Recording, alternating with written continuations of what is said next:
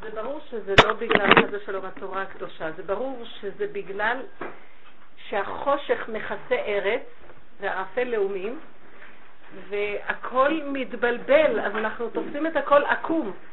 ומעניין שמפעם לפעם לפעם כל כך אנחנו מתעכבים שאנחנו כבר לא זוכרים לפני חמש שנים איך היה צריך באמת להיות הדברים. ואם תשימו לב, אני התבוננתי בחוש, פעם זה לפני שבע שנים או שמונה שנים, חמש שנים, כל פעם אני אומרת, מה היה לפני שלוש שנים? אני רואה את המרחק, ואנחנו מתרחקים והולכים ולא שמים לב עד כמה אנו מתעקמים, ואנו סבורים שאנחנו בסדר. אבל הזעזועים מטרתם כל הזמן להחזיר אותנו, ואנחנו לא קוראים את המפה נכון, חושבים ש... מה המצוקות האלה, מה הצרות האלה, למה סוגרים עלינו, מה לא בסדר. מטרתם להגיד לבן אדם, חזור לאחוריך. לפרק אחד לאחד לאחד. יש לנו הרבה דעת, הדעת התרחבה מאוד, וכתוצאה מהתרחבות הדעת התקטנה אמונה. כי דת ואמונה זה לא הולך ביחד. איפה שיש רחבות הדעת, יש התמעטות האמונה. איפה שיש התמעטות הדעת, יש ביסוס לאמונה. האמונה זה האמת, והדת זה הפך האמת. ברוך השם שיש לנו תורה, אבל גם בתורה התרחבנו מדי שאנחנו כבר, גם את התורה עצמה, ההנהגות החיצוניות והדימויים השונים וההבנות וההשפעות מבחוץ שנכנסו לתוך החיים שלנו, ממש כמעט אנחנו מאבדים את השכל הישר שהוא פשוט ואמיתי ומדריך אותנו לתוך התורה נכון. מלבד כמה באמת שרק מהם אפשר לקבל שזה חכמי התורה באמת, שהישרות של הדת תורה מובילה, אבל אי אפשר לסגוע על פתחן כל הזמן, אי אפשר. בהנהגות הלכנו לאיבוד, וכל מטרת השיעורים לחזור ולהחזיר את זה למקום הנכון, ואז נראה את ההבדלים. בהתחלה זה נראה מזעזע, כאילו, מה אני אמרתי בשיעור הקודם, ואולי בשיעורים גם לפני כן? שאין לנו אמונה.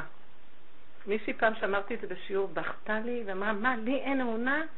אמרתי לה, אם את חושבת שיש לך אמונה, אין לך אמונה. כל דבר שאת חושבת שיש לך, אין לך. מתי את מתחילה שיהיה לך? כאשר את יודעת שאין לך. רק דרך השלילה של היש אפשר לקבל את הדבר הנכון, שזה אורו יתברך והאמת, שזה השם יתברך. כל עוד האדם חושב שיש לו קשר עם השם, שהוא קרוב להשם, שיש לו אמונה, או הוא יכול להגיד, יש לי ידיעות, יש לי הבנות, יש לי השגות, יש לי אה, אה, גדלות החשיבה, אבל להגיד שיש לו קשר עם השם, איפה שיש את הגדלות הזאת, אין את זה. ומה שאני הדגשתי בשיעור הקודם, חוץ מחכמי התורה באמת, שניתנה להם רשות להיכנס בתוך הדעת דרך כללי התורה, כל מי שנכנס בדעת זה בחינת כל באי הלא ישובון. ואנחנו היום מאוד רחבים בדעת. אפילו שאנחנו רואים זו השכלה של יהדות כמובן, אבל התרחבנו בזה הרבה. וזה מרחיק אותנו מהמקום הפשוט האמיתי, שזה הקשר בורא הישיר. אז איך אפשר באמת, אז מאיפה נתחיל? לא מהחיוב, מהשלילה. שלילת הדבר זה היותר נכון, זה האמיתי. כלומר, שאני חושבת שיש לי משהו, ואני מתחילה להתרחב על הדמיון החיובי שיש לי, שם אני מתרחקת מהשם. אז למה באה לי המחשבה שיש לי? כי כל דבר, הכל ממנו. אין עוד מלבדו והכל ממנו. המחשבה הראשונה שמגיעה לי ממנו זה לנסות אותי אם אני מתרחבת או חוזרת אליו. ברוב המקרים אני אגנב ואני אחשוב חיובי, אני מתרחבת, או כשחלילה בא משהו שלילי, אני נשברת. אז נמצא שאני תמיד בתנועה של בין ייאוש לגאווה. ושם אין השם. מציאות השם זה לא ברעש השם, לא בסערה השם, כל דממה דקה זה קו האמצעי של השלמה עם הנקודה והיסוד של האיזון, הקבלה של המצב איכשהו, בלי פרשנות. צריכים לתת דוגמאות, אז מזה אפשר יהיה יותר להבין. תמים תהיה עם השם אלוקיך. מה זה התמימות? אבל זה דיבור מאוד יפה. אנחנו אומרים את זה, ויש לנו את כל התורה שגורה במוח יפה מאוד. כשזה מגיע למעשיות, שם נמדד הבן אדם מה באמת קשר שלו עם השם. ולכן, כל העולם הזה נברא בשביל היהודי. כל היהודי נברא בשני חלקים. קודם כל, הגאולה הראשונה, גאולת מצרים, שקיבלנו את הזכות לדעת וידעת, זה נקרא, הרמח"ל קורא לזה הפקידה, תהליך הפקידה, כמו שאמר להם משה, פקוד פקדתי אתכם, השם בא, הוא בא לעם ישראל בדיבור של פקוד פקדתי אתכם מאת השם. ואילו הגאולה האחרונה, מה זה פקוד פקדתי? זה כמו נתינת הזרע לרגע ההתעברות, המצב של ההתעברות, פקידה. אבל עדיין יש כל הזמן את החושך של ההתעברות. אנחנו לא יודעים מה מצב העובר בפנים, לא כמו שהם יש אולטרסאונדים וזה, אבל לא יודעים מה נעשה. יש תהליך, אבל בחוץ אין, זה רק גדר של ידיעה. אני יודעת שאני בהיריון, אני יודעת שיש עובר, אני יודעת, אני חשה דברים מסוימים, אבל יש חשיכה. אין לי הכרה בכל, הכרה חושית בכל המהלכים שנעשים שם וההתפתחויות השונות בחיי העובר וכן הלאה. זה נקרא גלות, ולכן כל התורה בזמן הגלות נלמדה בבחינת דעת, הרבה ידיעה. אנחנו יודעים ואנחנו משננים וספרים, אבל איך אומר קהלת? אין קץ, שזה החלק השני של היהדות, שזה הגאולה האחרונה, שזה הקץ. אין קץ, עשות ספרים והרבות להג הרבה. הקץ לא מגיע בגלל שיש כל כך הרבה ספרים והרבות להג. אנחנו הרבה מדברים. מה? הרבה דיבורים, הרבה הבנות, כל אחד כותב היום ספר. מישהי אמרה לי שהיא פגשה איזה סופר, והוא אמר, היא אמרה לו, כמה ספרים אתה כותב? הוא אמר, כל רגע זה ספר, העפעוף שלך זה ספר, היד שלך זה ספר. זאת אומרת, יש כל כך התרחבות של הרעיונות, וזה התרחקות מהחלק של הגאולה, החלק של ההולדה. זה הגאולה האחרונה. ההולדה בפועל זה משהו אחר לגמרי, שתינוק נולד, פתאום נגמר ההיריון. זו חוויה אחרת לגמרי, שבכלל את לא מעלה בדעתך, קחי את ההיריון הראשון, את לא מעלה בדעתך בכלל מה הולך לקרות פה, אין לך בכלל השגה. ואיזה תחושה יש ב... ב שנוצרת מחדש, כל הגנים האימהיים יוצאים וכל המצב המעשי לא בא בחשבון בכלל בהתחלה. זה נקרא הזכירה, תהליך הזכירה. בואו נבדיל מה זה תהליך הפקידה. הפקידה זה וידעת. וכל עבודת היהודי בגלות זה וידעת, תלמוד בבלי וידיעה, בתוך החושך הזה, אם לא הייתה ידיעה היינו הולכים לאיבוד, ברור, נטמעים בתוך האומות. אבל לקראת הסוף, הידיעה צריכה להיגנז ומתחיל להתגלות כוח חדש שחייבים להוציא אותו לאור. וקודם לו החבלי לידה, חבלו של משיח. מה זה החבלי? המהר"ל אומר, זה הכוח המתנגד לכל המהלך של וידעת. לא יכול להיות והשבותה, לא יכול להיות אור גילוי האמונה, שזה הגאולה. האמונה זה האמת, זה גילוי האמת פתאום, בלי שיגנז אור הדעת. כי הדעת זה לא אמת, הדעת זה בחינה של צדק משמיים נשכח. זה צודק, אתה צודק, אתה צודק, אתה צודק. שבן אדם אומר לך, כך וכך וכך, אתה רוצה להצדיק את עצמך. מתי רואים שאתה בן אדם שרוצה אמת ולא צדק, שאתה שותק לו? ואפילו אתה צודק, ברור שאתה לא שותק כשאתה לא צודק, זה כבר לא דרגה, אבל אתה צודק ואתה שותק, ואתה יודע שדיבור זה לחוד, והעיקר של כל זה השתיקה שלך שווה את הכל. השם בוחן אותך לראות אם אתה מוכן להיכנע, לשתוק, לקבל את הכל, להבין, אבא זה אתה קורא לי, מה אתה רוצה ממני? ככה אני רוצה שתקשיב את חרפתך ותשתוק. זו מדרגה, ברוב המקרים נמצא את עצמנו עונים, או שבורים, או כואבים, או מאוד כאובים, למה חושבים עלינו ככה, רוצים להצטדק, רוצים לרצות, מאשימים, מתכסים, ומנסים לחזור לחיובי הדמיוני כדי לחיות ממנו, לא מהשם אנחנו חיים. אנחנו חיים מהחשיבה החיובית, שזה דמיון חיובי שמחיה אותנו, אבל זה לא החיוב של הגאולה. ולקראת הסוף נצטרך לסגור את כל החלק הזה כדי שיפתח לנו החלק האמיתי. ובין הסגירה של זה לפתיחה של זה יש חבלו של משיח. יהיה לנו מאוד קשה לשתוק ולא לתת את ההצדקה. נחשוב שאנחנו הולכים למות, שמנצלים אותנו, שהורגים אותנו, שיכבשו אותנו, שאנחנו עוד מעט נעלה מהמפה ולא יהיה לנו קיום. ומי שיעמוד שם בצמצום הגדול הזה ובסיכה הגדולה הזאת, שם הוא יתחיל לקבל את האור האמיתי. אז הרמח"ל קורא לזה, החלק השני של הגאולה זה אור הזכירה, לא הפקידה. מה פירוש אור הזכירה? תקשיבו טוב, זה פשוט מדהים. הוא אומר, אתה לא צריך את הדעת, אם כן, אם הדעת תיגנז, זאת אומרת, כשאני באה להגיד לו שאני, שמע, אתה לא יודע מי אני, אתה סתם אומר לי, וזה באמת ככה, ואני עשיתי ככה. לא, אל תדע כלום, שתוק. הוא יחשוב עליי את כל הדברים הרעים, ואני לא עומד בזה שהוא יחשוב עליי רע. למה לי שיחשוב עליי רע? אני אסביר לו והוא יסדר. לא, תסבירי לו חמישים פעם, הוא לא יקשיב. מה הוא רוצה לומר לנו? איך אני אוכל להישרד בלי דעת? ככה זה ייראה לנו. ולכן יש את המהירה הנוראית לדעת עוד יותר, כי זה השריד שלה הסופי, והיא עוד יותר מתקשקשת. והפחד הוא נורא שמא נאבד את הדעת. דעו לכם, עיבוד הדעת בהיסח דעת משיח בא. זה הגאולה. אבל מה אומר הרמח"ל? אל תפחדו. כי ברגע שאתם זוכרים את שכל הדעת, שזה הפקידה, מתגלה אור הזכירה. מה פירוש? צמח דוד עבדך נהרה תצמיח. זאת אומרת, זה אור שעולה מלמטה, והוא נושא איתו את האינטליגנציה הנכונה של הכל.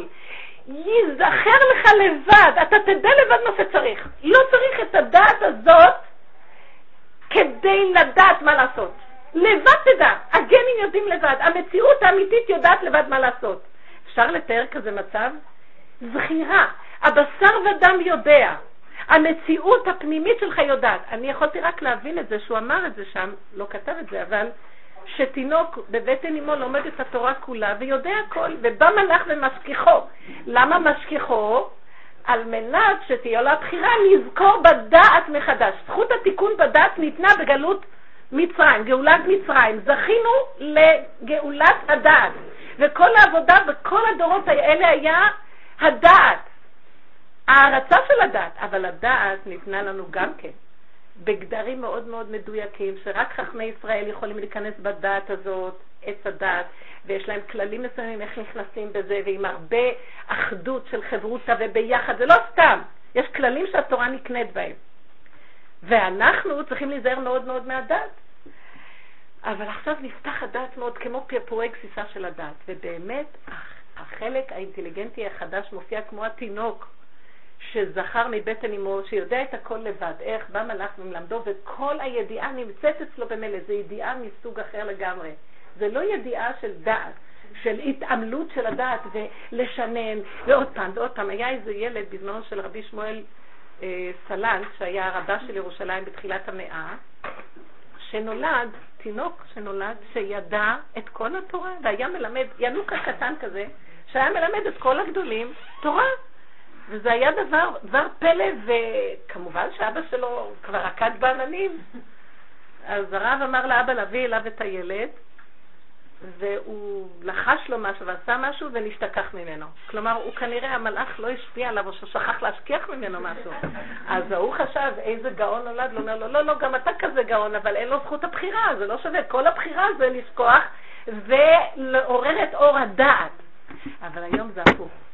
אור הדעת מתחיל להישכח, העובדה שכתוב בחז"ל שתעבור אישה פתחי חכמים ולא ידעו להגיד לה מה ההלכה בצורה ברורה, זה יגיד בכו וזה בכו וזה בכו וזה בכו ויהיה בלבול. אור הדת עד שיבוא תשבי ויתרץ קושיות ובעיות, זה התיקו.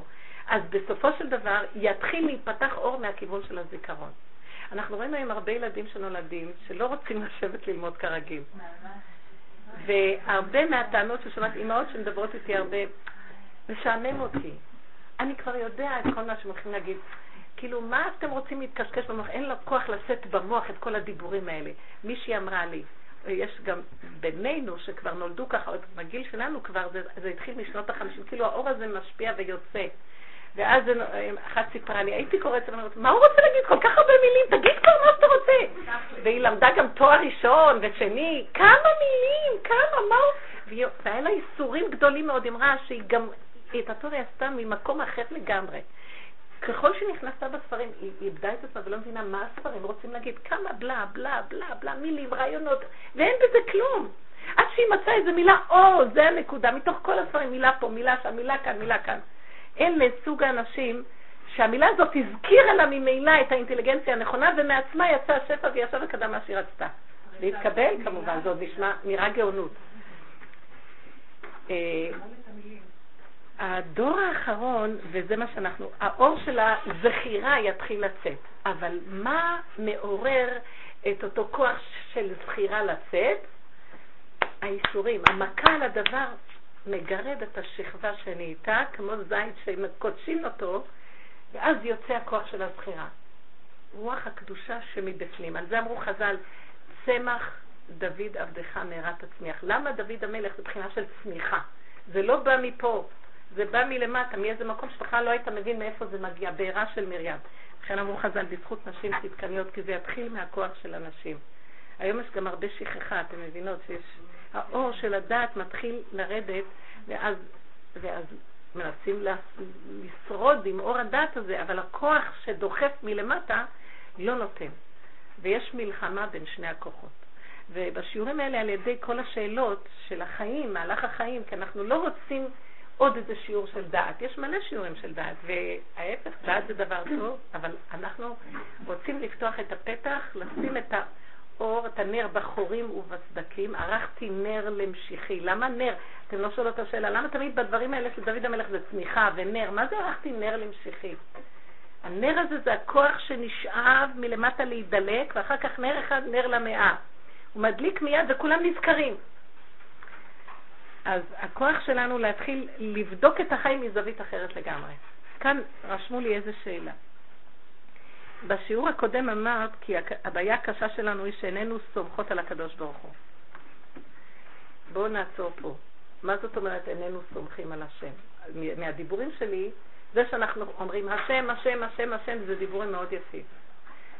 זה קל לנו, זה מטבע לשון, זה מס שפתיים. באמת, באמת, שבא ניסיון, איך אני אדע אם אני באמת סומכת על השם או לא? אין חרדה, אין מתח, אין לחץ, אין דאגה, אין כלום. כי אני סומכת על השם, גמרנו. אני יודעת, איזה ידיעה? בחינה של ידיעת הבשר החי, לא ידיעה של דעת. כי ידיעה של דעת זה מושג. בין המושג לבין הניסיון עצמו והטבע, יש מהלך של 500 שנה הבדל. איך אני אגשר בין שניהם? כשאני לא בניסיון, אני אגלגל לכם שיעור מכאן ועד להודעה חדשה. כשאני מגיעה למהלך של הניסיון, הסערה היא כל כך גדולה ותלוי בניסיון, ומפעם לפעם לפעם הניסיון נהיה יותר ויותר, זה כמו הציר הלידה. הציר נהיה ברמה כזאת שכבר נטרפת הדעת. אין בכלל יכולת לשלוט בזה על ידי איזה חשיבה מה לעשות. אין בכלל מה לעשות. אין מציאות של לדעת מה לעשות. יש צעקה. והצעקה הזאת מתחילה לעורר את הזכירה, את כוח הזכירה. אז במקום הזה הבהרנו לעצמנו שאנחנו לא סומכות על השם. זאת אומרת, בידיעה אני רוצה לסמוך, יש לי רצוי, יש לי צדק משמיים נשכח. במצוי, במציאות אין קשר בכלל בין שניהם. אני בסערה ואני בבהלה, ואני בלחץ. מחפשת פתרונות, מחפשת במה להאחז. אולי יש איזה מישהו שיעזור לי, אולי איזה פרוטקציות או משהו. אז היא אומרת שאמרתי שאיננו סומכות על הקדוש ברוך הוא. זה היה איזו אה, הנחת יסוד שחידשנו אותה, למרות שאולי הדעת שלנו מתנגדת. מה, אני לא סומכת על השם? כל החיים שלי אני רק אומרת תהילים לאורך, לרוחב, הכל. באמת, בנות יקרות, אנחנו רואים איך אנחנו נראים בתוך העולם החרדי. הכוח של הריצה לרופאים, להשכלה, לכל מיני דברים שאנחנו מגיירים מתוך העולם החיצוני, שעל פי תורה הם מותרים אפילו. כי הדת נותנת אפשרות כזאת, אבל זה לא האמונה. אור האמונה מתחיל כשאני יודעת שאני מוכנה להודות, לא סומכת על השם. אני מחפש לי עוד פתרונות, עוד אפשרויות, עוד איזו הרחבה בכיוון הדעת, שמשם יבוא לי האפשרות להמשיך להישרד במהלך הגלותי הזה, שכבר שכחתי בכלל שזה רק גלות, נראה לי שכבר הגעתי לגאולה, כי אני כבר עשיתי המון קורסים, ואני יודעת הרבה דברים, ופסיכולוגיות, יש לי פתרונות. אתם לא מבינים איזה השכלה גדולה היום יש בנושא של חינוך ילדים, ואיזה בעיות יש היום בחינוך ילדים. זה שיש מושגים והגדרות והבנות ויש יש, אה, ומקצועות ומדרגות של מקצועות, זה לא בכלל מתחיל לגרד. הדיסלקציות נשארות, יש קצת שיפורים, כמו הסילגן והאקמול, זה באמת עוזר קצת, לא? אבל הכאב חוזר. יש כל כך הרבה דברים שחוזרים שוב ושוב ושוב. בינתיים מסדרים לעצמם פרנסה קבועה, מסודרת. באמת, אתם לא שמות לב מה קורה. ההורים יוצאים מדעתם, כמה תקציב הם יכולים להוציא, וכל ילד נולד כבר כזה היום. אז אה, מישהי אמרה לי, יש לה תשעה ילדים, אשת אברך, היא עכשיו בהיריון, וכל ילד דיסלקט אצלה. אז עוד בשלושה הראשונים היא רצה עם כל המרץ לסדר להם את כל האפשרויות, הכל. אחר כך היא נכנעה. והתחילה לצעוק, זה בית של דיסלקטים, גמרנו, אין תקציב לסדר אותו בכלל. היא הייתה יושבת עם זה, ויושבת עם זה, ויושבת עם זה, היא אומרת להם, די, אנחנו דיסלקטים, זהו. אז זה מה שאנחנו. וכשמורה מתקשרת לה, היא מסבירה לה שהיא דיסלקטית בעצמה, ובעלה גם. משפחת דיסלקטים. אין לך פתרון בכלל, מה את מחפשת ממני בכלל? אז אני פעם אמרתי לה, אני הייתי אפילו מגדירה שהמורה היא דיסלקטית. יותר מכל הכיתה, כי כל הזמן מאבחנת דיסלקטים. כל הפוסל במומו פוסל. וזה יהיה דור כזה עד שנתחיל להכיר את זה ולצחוק, פשוט לצחוק, כי אין לנו פתרון למצב הזה, כשכל מערכת החינוך מעקמת את הכל דווקא למצב הפוך מהמצב הקיים. איזה שוטים, בונים קשרים, ש... בונים בית חולים איפה שבמקום לבנות את הגשר, מסודרים את הבית חולים. אז uh, יצאנו מנקודת הנחה שאיננו סומכות על הקדוש ברוך הוא, אה? כן? מוכנות לקבל? לאור ההיסטוריה, אז עכשיו היא אומרת, לאור ההיסטוריה העקובה מדם שלנו, שהיא בת לניצולי שואה, כיצד ניתן בכלל לסמוך? מה גם שמאז שחזרתי בתשובה, בתשובה בגיל לא צעיר, אני זוכה לחבטות רבות בתחומים, בתחומים שונים. אז כאילו היא, היא, היא מצדיקה איך נסמוך על הקדוש ברוך הוא. אני רוצה לנתח את הדבר הזה, כאילו היא מצטדקת, שמתם לב? כאילו היא חושבת שאני ישמתי, אנחנו לא סומכות על השם. אני סוף סוף מצאתי, אתם יודעות מותק, איזה כיף, אנחנו לא סומכים על השם. זאת אומרת, אני כבר באתי להגיד לכם, בואו נצא מנקודת הנחה שתקדם אותנו קדימה. למה אנחנו תקועים? אנחנו סומכים על השם, ונדמה לנו שסומכים, ונשארים שם במקום להתקדם לציר הבא. עוצרים את הצירים כדי, כי איזה דגל יש לנו שאנחנו משהו. ואנחנו מפחדים לאבד את הדגל הזה, כי מזה אנחנו בינתיים חיים, מה נעשה? אם כן, אני אומרת לך, מותק, את לא צריכה להצטדק. ואני רוצה להגיד לכם דבר אחד. המצב של השואה, שהשם ישמור ויציל, הוא כדי להראות לנו את מצבנו באמת. תראו מה היה צריך לעשות, לכלות בתוכנו, לעורר אותנו ליסוד הגאולה הראשונית. הגאולה האחרונה, שזו הייתה ממש כאילו בחינה של גוג ומגוג ראשוני בגוף. לעורר אותנו להכיר שאנחנו רחוקים מהשם. אין לקדוש ברוך הוא טענה למה אנחנו רחוקים מהשם. אכלנו מעץ הדת. הוא רוצה פשוט שנכיר, ולא נזדעזע מזה, רק נלך למהלך הבא. מודה ועוזב ירוחם. כל המהלך שהכי מפחיד הוא שבמקום הזה אנחנו עוד נשב ונצטדק ונבוא בטענות להשם מה שהוא עשה לנו. וזה הנקודה של האמונה. מי שעבר את השואה ונשאר עם האמונה, הוא נכנס למהלך האמונה והשתתק. הוא הצדיק את מהלך כל המציאות שלו ואמר צדיק אתה השם. ואילו המצב שאנחנו אומרים, יש לנו, אנחנו סומכים על השם, המצב הדתי, רוחני, זה אני במקום השם. אני הצדיק. שימו לב, מצב האמונה, כל מצב האמונה זה לסגור את הדעת ולדעת. מתוך הניסיונות שלא עומדים בשום דבר, שאתה שם הצדיק על כל הבעלינו. אנחנו לא עומדים בכלום ולא מסוגלים, ואז אומר, ואנחנו מבינים פתאום, אנחנו גם לא צריכים להיות מסוגלים. מאיפה בא לנו הרצון להיות גדולים ומסוגלים? מאכילת עץ הדת שאמר וייתם כאלוקים. אז השם, כאילו, תורה, התורה הראשונה, תורת משה שנתן לנו, המהלך הראשון בגאולה, נכון, אכלנו מעץ הדת, ועכשיו אנחנו צריכים להוכיח שאנחנו יכולים. זה החטא, זה הגנום הכי גדול. עכשיו אתם יכולים, אז התורה אומרת לנו, לא סתם אכלתם, תלכו, תגידו אנחנו לא יכולים, אני עשיתי, אני אסע, אני אסבול ואני אמלט. אני אכלתי, ויש לי עכשיו גדלות שאני יכול, אני גם כמו אלוקים. אז אתה רואה את העני הזה, לך תעזור לה. אתה רואה את הילד הזאת, לכי תעזרי לה. אתה רואה את המסכן הזה, החולה הזה, לך תבקר אותה. והבני אדם חייבים לפעול באותה דעת של גדלות דמיונית ולמסות אותה אטום. עד שאנחנו מגיעים למקום שאנחנו רואים אין אפס מקום, אין כוח הרשימה. כמה אני יכול לבקר חולים? כמה אני אעבוד על יולדות? כמה אני אתן חסדים? כמה אני לא יכולה? מישהי אמרה לי שיש לה הרבה ילדים, ובעלה רוצה עוד ילד, שיהיה להם עוד ברית, כאילו, בשביל הכבוד. סליחה, לא שמים לב, אנחנו מתכסים, זה לכבודו יתברך, אבל מה זה הגדול? אז היא אומרת לו, הגב שבור לי. וזה, אז הוא אומר, לא, תראי, כבר לקחת אה, ארבעה חודשים, נהיה כבר 12 ילדים. אז היא באה אליי לבכות, והיא אומרת לי, אני לא מסוגלת להמשיך לעמוד בזה. לא, מסוגלת, אני אמות. גם לה היה גדלות עוד בהתחלה, כולנו זוכרים אנחנו לא יודעים. בסופו של דבר, היא אמרה לי כזה דבר, נתתי לה לדבר, לדבר, הרבה פעמים שיש כאלה כאבים, אל תתני עצות כלום, תני לה לדבר, לדבר, ופתאום התחילה לצעוק. אם השם רוצה שיהיה לי עוד ילד, שהוא ייוולד עם טבעת על הראש, אני לא מורידה את הטבעת. לא יכולה. אמרתי לה, את הצעקה הזאת השם צועק מהפה שלך. הוא לא הכריח אותך. את הלכת בגדלות שלך, את כבולה עם הגדלות, כולנו כבולים עם הגדלות שלנו.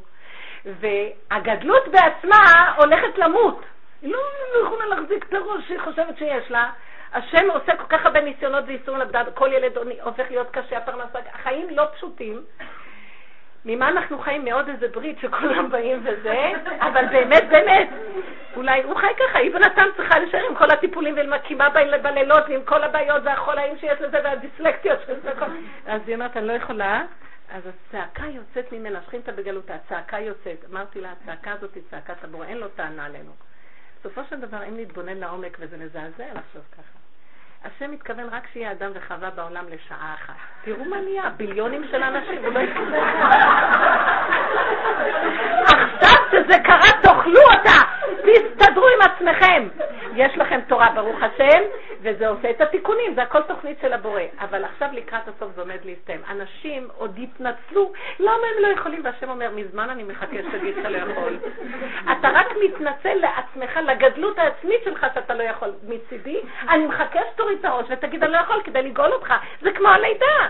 כל עוד את אומרת, המיילדת, תלכי מהחדר, אני עוד אומרת תהילים, אני בסדר, אני כבר, אני מחזיקה מעמד עד שאת, אז היא הולכת לה, למה לא תשתה קפה, תלך לטייל? את צודקת, מיילדת, איפה את, איפה את? לא תבוא גם, כי היא חשבה שאת יכולה. תצעקי הרבה עד שהיא תגיע, אתם לא מכירות מה קורה בחדרי לידה היום. אז בסופו של דבר, הנקודה היא להתיש את הגדלות העצמי, כך שבסופו של דבר, אין אפילו על מה להתנצל. ודאי שאנחנו לא סומכות על השם. היא כבר אומרת, איך עם ישראל עבר כל כך הרבה צרות, איך כל הצרות זה כדי להגיע למקום של אני לא יכול.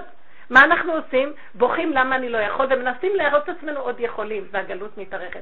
אין כיף! עשות ספרים והרבות להג הרבה. דעו לכם, אנחנו דיברנו עכשיו בכללי, כל אחד ואחד בחיים שלה. אני למדתי עם עצמי, וזה מאוד עוזר לי. אני כל כך מגיעה לדרגות דקות, למה אני אומרת לכם את זה? כי אני לא, לא אוהבת לדבר על עצמי, כי זה סתם, זה לא בשביל לדבר, בשביל לתת את הדוגמה, מה אני רואה מעצמי. כל דבר שיש לי בו מצוקה, לחץ, מתח, נקודה של איזה צער, אפילו קטנה, אני מזהה שזה הגדלות שלי. כי אם הייתי בקטנות, למה שיהיה לי מתח? לא, לא, לא יכולה. לא, אני באה להכין חביתה והמחבת נופל לי, בדבר כזה קטן. אני מיישרת אותו והגצת את התחום, אז הוא נופל לי. אתם לא מבינים. הייתה איזו מגירה שלא נכנסה לארון. בקלות בעלי היה מסדר את זה, מה פתאום? אני צריך... ואז אני רואה את התנועות הכפייתיות של הגדלות, וכל דבר זה מופיע. לעזור לילד באיזה דבר, לעזור לשכנה, כל דבר כאילו אני יכולה, ואז אני אומרת לעצמי, תרפי, תעזבי את המחבת הפוך. ותעשי ככה חביתה. ואז אמרתי, השמן ייפול. ואז אמרתי, אבא תרחם שהשמן לא ייפול. רק אתה יכול, אני לא יכולה. והוא החזיק את המחבת עקום, והשמן לא נפל, ונהיה חביתה עם מחבת עקום. אז אני ראיתי דבר כזה טיפשי וקטן, אבל להמליך אותו על המחבת, בפועל. לא, אם אני לא אעשה, מי יעשה? אני לא סומכת בכלל, הנה, לא סומכי בכלל שיש כאן מישהו. למה את לא חושבת? בכלל, זה לא מתחיל מהמחבת. שאת קמת בוקר ואת נושמת, את חושבת שאת נושמת? ואת מדליקה את הגפות, ואת מזיזה את הידיים, מאיפה הכוחות האלה בכלל? ואז מה קורה? אז יש בקרים שלא לא, לא יכולה לקום מהמיטה מרוב כאבים, הגב כואב, היד כואבת. לא, אני צריכה ללכת לתרפיה, לזה, ל... מה לא? יש שם כל כך הרבה שיטות. ואז את אומרת לעצמך, רק דבר אחד את שוכחת, שהשם אומר לך, תעצרי, אני אעצור אותך בכוח אם את לא תעצרי. אני לא רוצה כאבי גוף לך. אני לא רוצה איסורים לכם. אם אתם לא תלמדו לתת לי הכנעה, שאתם לא, בדברים הכי קטנים, אז אני צריך להביא דברים גדולים. אין עונשים, אלא אם כן מזהירים. אני מזהיר אתכם בדברים הקטנים, אבל מאחר ובקטנים אתם לא לומדים, אני עומד ובוכה איתכם, שגם אני כאוב איתכם עם המכה. כי כשכאוב ליהודי, כאוב לשכינה, שוכן איתם בתוך תומותם, כל צרתם לא צר, אז אני מכה את עצמי בשבילכם, ואתם לא קולטים. והשכינה הסכימה לרדת עד למקום הכי נמוך בשביל היהודי, והיהודי לא קולט. הוא עוד מתנצל למה הוא לא יכול. אמרתי לכם שהייתה לי סבתא, עליה שלום, מה זה צדקת? יהודייה, משהו מדהים. מה זה צדיקה? רוצה לרצות את כל העולם, איפה אפשר רק לרצות? אז כשהיינו באים אליה, היא, היא, היא חייתה עד גיל 97. כשבאנו לבקר אותה, אז היא הייתה אומרת לנו, אתם רואים? אני עוד לא מתתי, מה אני אעשה? כאילו היא עוד מתנצלת, למה היא חיה? אתם צריכים להבין שהגדלות גנבה אותה, והיא עוד הייתה צדיקה. תבינו מה זה הגדלות גנבה אותה. היא, עוד, היא זאת שמתנצלת למה בעצם היא עוד חיה, מזמן היא כבר לא הייתה רוצה לחיות. סליחה, את אחראית על החיים או לא על החיים? מי שיש לו, אני לא רוצה להגיד עליה שלום, נשמתה עדן צדקת, אבל זה הצדקות של הגלות, כולנו. אני עוד חושבת, את עושה טובה לשם. מי בכלל את בכלל שתכנסי באמצע? את עוד מתנצלת? אדם שמתנצל הוא בעל גאווה. זה, אנחנו לא שמים לב אפילו, זה מה זה בעל גאווה? בעל חש, חש, מחשבה שאני עוד יכול מה. סליחה שאתמול היה לי ככה.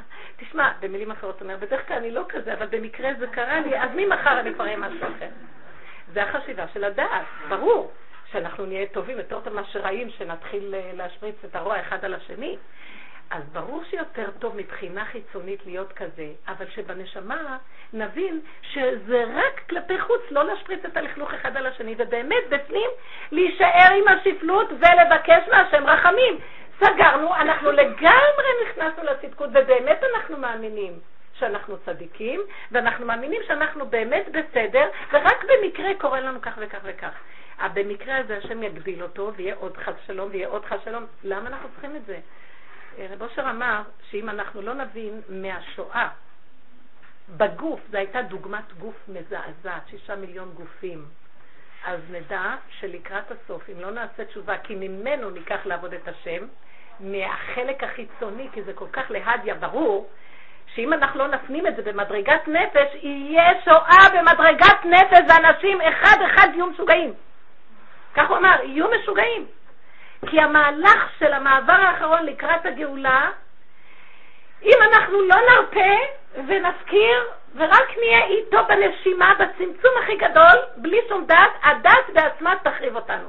כי הדת תגיד לנו, לא יכול להיות. איך זה יכול להיות? אז אולי נלך לזה, אולי נעשה את זה, ומה קרה? ונאשים את כולם. ונגיד איזה מין עולם זה, ואיזה מדינה זאת, ואיזה חיים אלה והכל, ורק לא נראה מה שאנחנו בתוכנו קורה. מי יצטרך להתחיל להבין, וכבר מעכשיו להתאמן. אין שום בעיה בשום דבר בעולם. כל העולם זה רק סיבות להכיר את השם. הבעיה היא רק בי איך אני מפרש את המקום ואני מסרב לרדת מהדעת, כי הדעת יש לה מלא פרשנויות.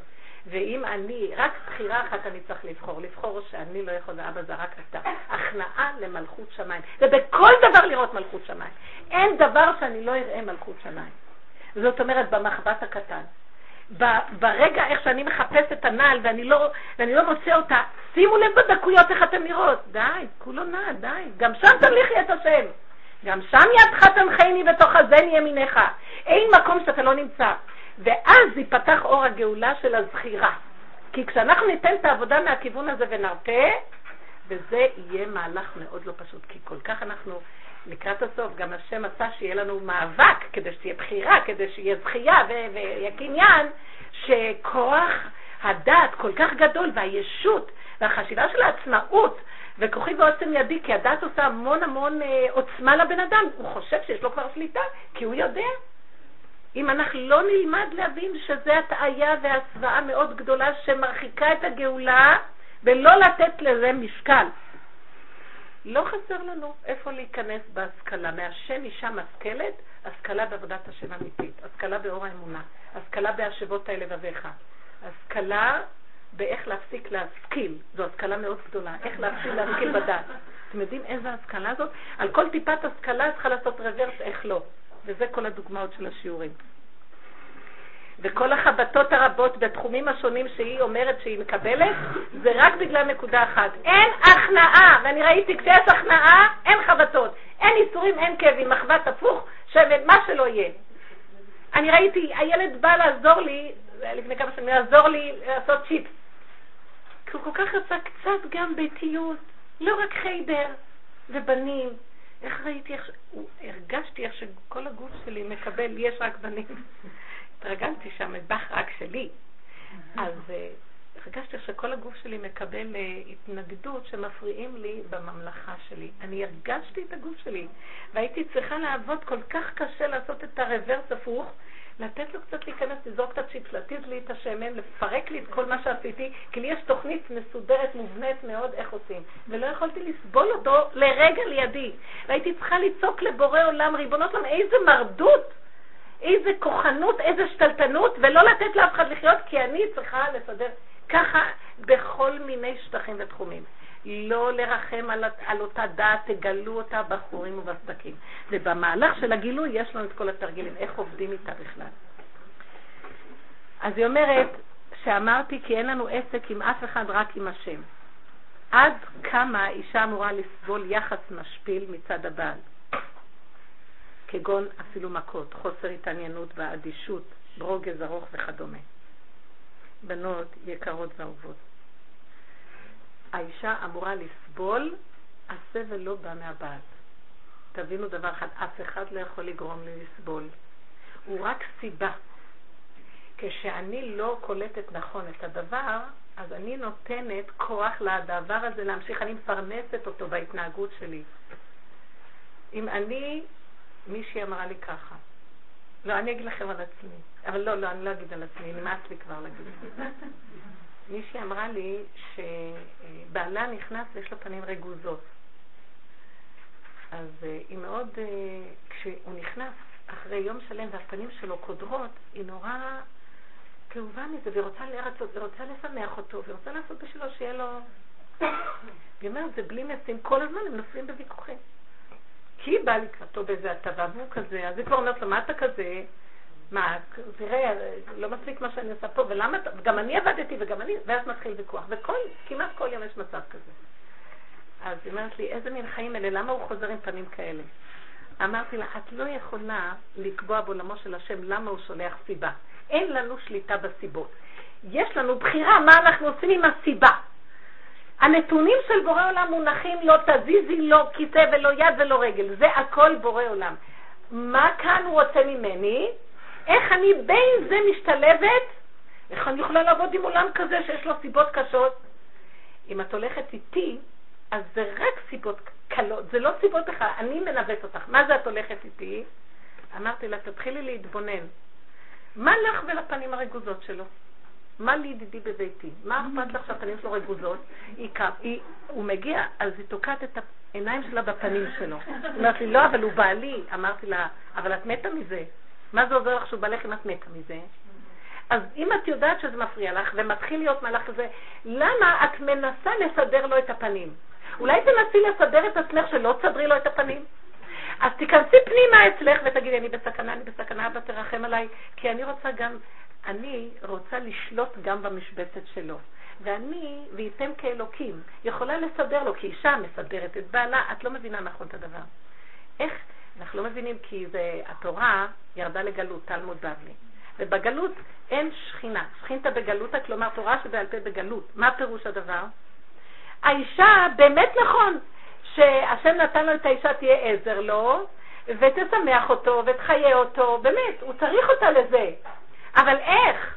לא על ידי זה שהיא תלך, היא רואה בדעת את הדבר, ובדעת היא חושבת, אם תחייכי לו, אז הוא יהיה שמח. אז השם מפליק לה, מראה לה שככה לא משמחים את הבעל. תחייכי עד מחר, תכיני עשר עוגות. אלא בצורה אחרת. את יצאת מהמשבצת שלך, גלינו מארצנו ונתרחקנו מעל אדמתנו, ואין לך את הכוח הקשור, את לא קשורה לעצמך בכלל. את בעצמך דלה וענייה בפנים, שכל היום רוצה לרוץ, לסדר את זה, לרצות את זה, לתת לזה. מה איתך בפנים? גלית מהנקודה שלך, האישה משמחת את בעלה מתוך הנקודה שלה. אם היא שמחה עם עצמה, אף אחד לא יכול להציב אותה. אה, אם בקלות אנחנו נעצבות מזה, מזה סימן שאנחנו בכלל לא קשורות עם עצמנו, אנחנו עומדות תמיד על הסף החיצוני, וכל דבר משפיע עלינו, אז כל רגע אנחנו כמו זיקית מחליפות גוונים, וכל הזמן מאשימות את כולם, איך הם נראים. נכון, איך הם נראים, אבל איך את משחקת עם החליל של כולם, למה את לא רואה את זה? וזו בעייתך, את לא תטפלי בבעיה של השני. הלוואי ואת הנקודה שלנו נוכל לסדר, גם לא, רק עם קשר בורא. אז מה אנחנו רואים, ריבונו של עולם? אני כל כך מוחצנת, אני כל כך בעצם עומדת בחוץ, כל דבר משפיע עליי. הילד דיבר עם החבר שלו, או שרב עם האח שלו, אני כבר יוצאת מדעתי. הילדה אמרה משהו, אני כבר קופצת, למה אמרת? אנחנו לא יודעות להפנים, להיכנס פנימה, לקחת את מה שכאילו נכנס, ולהעלות אותו להשם בתפילה.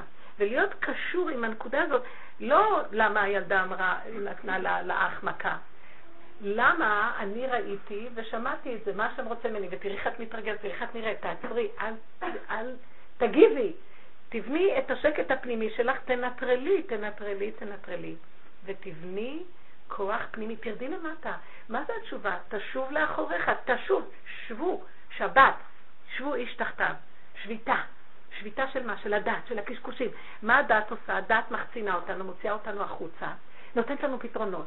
היא רואה מאוד, היא מגדירה ומסדרת את הדברים, ואת בראש, כמובן, שמת, איך כתוב?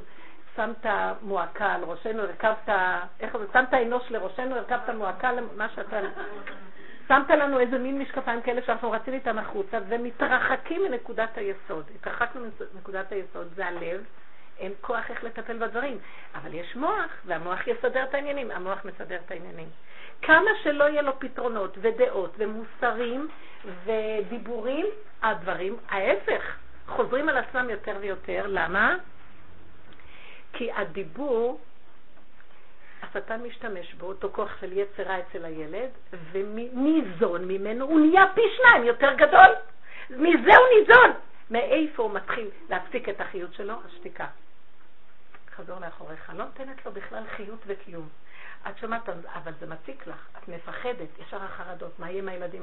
רק רגע, הבורא עולם זה הילדים שלו יותר מאשר שלי.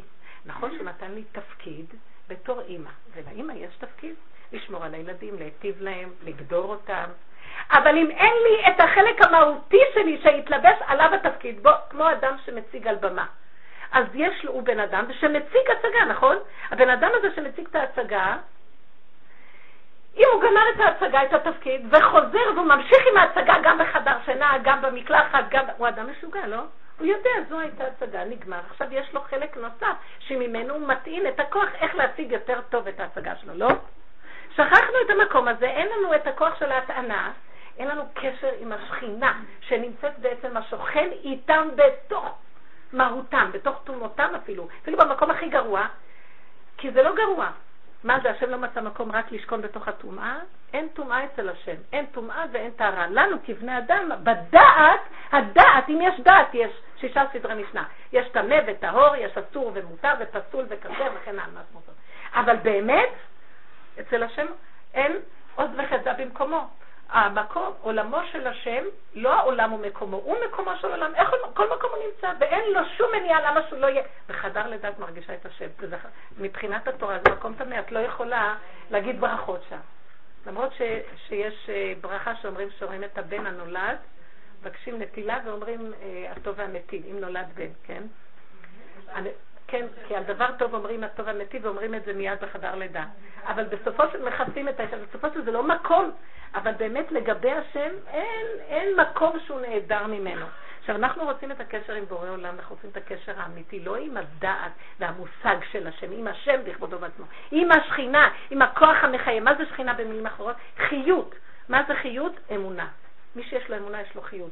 אבל אם אנחנו רואים, אנחנו יודעים הרבה אמונה, יש לנו ספרייה שיש גם מחלקה לספרי אמונה. אבל באמת אמונה אין חיות.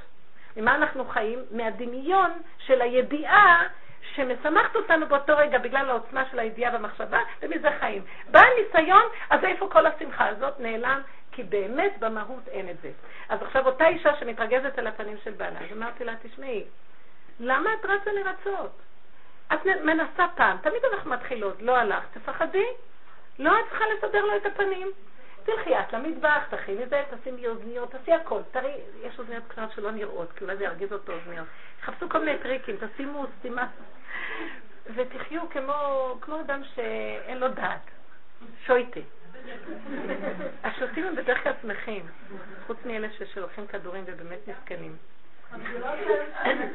ועכשיו תעזבי את הפנים של הבעל ותגישי לו עוגה, אבל מתוך הנקודה שלך, ותחי את הסכנה, תתעקשי לא להישבר מהפנים. תראי שבסוף הפנים שלו, תגידו למה נפלו פניך ותחפשו אותם לרצפה. מה? לא יהיה לו את הפנים האלה, בגלל שאת האצלת עליו מהמתיקות של השמחה שלך. מה אכפת לך ממנו? וזה מה שהוא מחפש בה. הוא מחפש את האישה החזקה שתציל אותו. במקום זה האישה, כולה דת, חולשת הלב, והיא רצה לעזור לו משם. אה, מוקדם מאוחר שניהם נופלים לבור, והוא צועק, מה הייתי צריך אותך? אני מחפש מישהי שתוציא אותי מהבור. אם השניים יפלו, מי יציל אותם? תשמרי חזק, וזה נראה כאילו איזה מין אישה לא דואגת לבעלה. הפוך על הפוך. את דווקא ככה תדאגי לו, תצילי את הבית שלך. מה את מתערבת לילדים? מישהי אמרה לי, אני מכינה להם ארוחת ערב, לזה אני עושה, אני אומרת להם, מה אתם רוצים לאכול ארוחת ערב? פתחה את, ה, את הגיהנום. מה אתם רוצים לאכול? חביתה, עין מקושקשת, עם צהובה, עם זה, מסדרת להם. לא, זה אני לא רוצה, זה, לא, משאירים את האוכל. ואז היא מסדרת להם, אז uh, הם הולכים לישון. אמא, אני רעב, אז היא מביאה להם איזה סנדוויץ' לשם. אני משתגעת מהילדים. אמרתי לה, את מתחילה את הגיהנום שלך.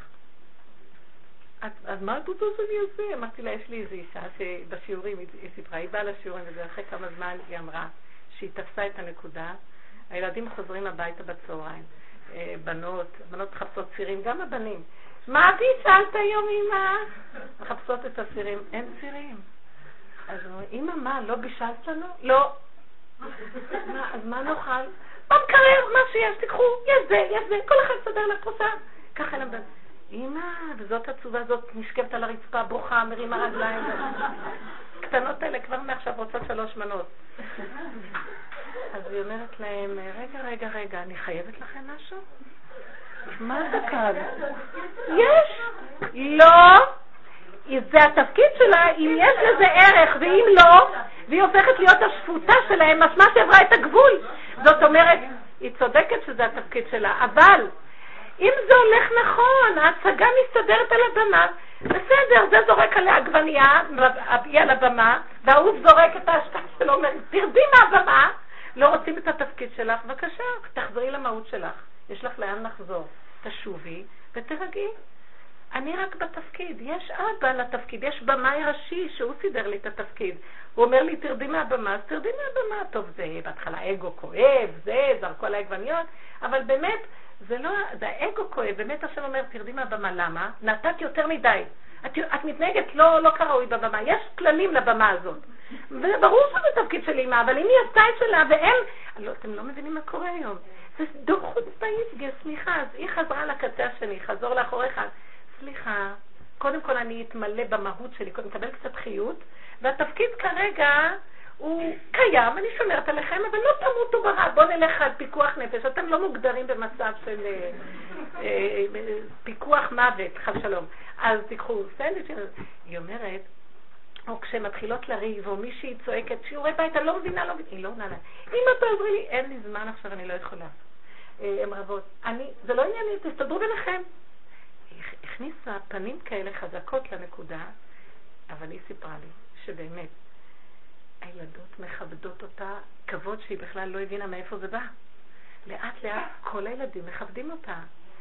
אה, הן מבקשות ממני, אמא, את יכולה להכין לנו משהו? אז מה נראה? יכול להיות שכן. אותו דבר גם עם הבעל. בנות, אני לא באה להמריד עליכם חס ושלום. היה מובן מאליו, למשל, סליחה, אני פותחת פה קצת בנושא של האישות. אז uh, מישהי אחרת סיפרה לי, תבינו, אני רוצה להחזיר אתכם לנקודה. אני לא רוצה להמריד חס ושלום. תבינו בנות מה שאני רוצה. אני רוצה שתחזורנה למקום הנכון שלכם וכל הבית יתחיל להתיישר. זה מה שאני מבקשת. שנתחיל לחזור ליסוד שממנו אנחנו חיות ונפסיק ללכת ליועצים, נפסיק, כי בתוכך יש את היועץ הכי גדול. שכינה בתוכך מחכה שתבואי אליה, היא תיתן לך הכל. מה היא רוצה מאיתנו, השכינה? זה נקרא גם תוך כדי זה שאנחנו עושים את הצעד הנכון, מקימים גם אותה מן האפר, כי לא, זה כרוך זה בזה. אנחנו שיכורים ואיש שיכורה איתנו, ככה זה נראה. היא נתנה לנו את המפתח של הבחירה להחזיר, וממנה זה הכל יתחיל. אבל המפתח בידינו. אז היא אמרה לי, היא אמרה לי שזה ככה, היא אמרה בצורה מאוד עדינה, ואני אומרת לכם את זה, שבעלה ככה, אה, בסדר, היא, היא נקייה, היא טהורה, אז בעלה מחזר אחריה, אז אה, היא הייתה מאוד מאוד עייפה, ומאוד אה, מרגישה שהיה לה יום אה, עמוס בכל מיני דברים. עכשיו, בדרך כלל, כמובן, גם זה תפקיד, לרצות. אבל היא פתאום החליטה שהוא אמר לה, מה שלומך וזה, איך אני אוהב אותך. אז היא הסתכלה עליו ואמרה, אם אתה אוהב אותי, אני רוצה לישון עכשיו. אז היא אמרה את זה מהמקום, תראו, זה בנות שעובדות על עצמן והן באמת לא מפקירות את התפקיד, אבל יש איזה מה שנקרא, מה שאני עכשיו מדברת זה היצנות מעבר לגבול ולמידה, לרצות, כאילו את איזה גודל הדור, מה את בכלל, ומה... תלמדי את המשבצת שלך, אל תשיגי גבול. רדי למשבצת ותראי, המלכות יושבת על הכיסא, וכולם באים עד אליה. את חצי המלכות, חצי המלכות שייכת לה. למה את לא חיה במלכות שלך? כל הזמן את רצה לסדר את המלכויות של כולם, ואיפה המלכות שלך? והוא אומר לנו, הקדוש ברוך הוא, השכינה, אם אתם תשבו על המלכות, אני אוכל לקום, ומשם כולנו נלך לגאול. זאת אומרת, משם מקימים את הכלה. כי השושבינים עם הקודש ברוך הוא כבר מוכנים. גדולי התורה כבר עשו בכל הדורות את העבודה שלהם. מה שנשאר זה עבודת האישה היום, ואם לא, האישה תחריב את העולם. עם הגדלות שלה שהיא יוצאת החוצה עם הניהול ועם הכוחנות ועם הישות ועם הדאגה הגדולה ומה לא, ומסלקת שכינה. והבעלים הם מתבלבלים מהרוח של האישה בדור הזה. הרוח הנשית, כשהיא יוצאת מגדרה, היא מאוד מסוכנת. במדרש כתוב שהקדוש ברוך הוא שחט את, ה, את אשת הלוויתן, כי הייתה מסוכנת מאוד. ולמה לא את הלוויתן עצמו? אז מה בעצם השכינה אומרת לנו? תחזור לאחוריך, תירגע, תתען בכוחות הנכונים, ובדרגה הנכונה הדברים יתבצעו נכון. אני אכנס בליבו של הבעל, שהוא יראה את נקודת האמת.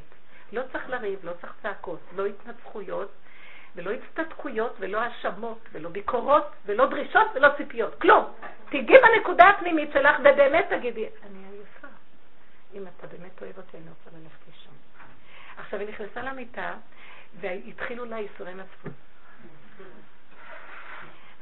אבל אנחנו עובדים על זה עוד השיעורים. אז היא עבדה עם עצמה לשחוט את הייסורי מצפון. אתם מבינות מה זה? כי זה גם השקר. הייסורי מצפון לאור הדעת הם מאוד מאוד טובים. זה היצר הטוב שלנו בעולם של הדעת. בעולם של הגלות, אם לא היה מצפון, היינו גונבים ורוצים מה לא. אז המצפון הוא כמו בחינת יצר הטוב.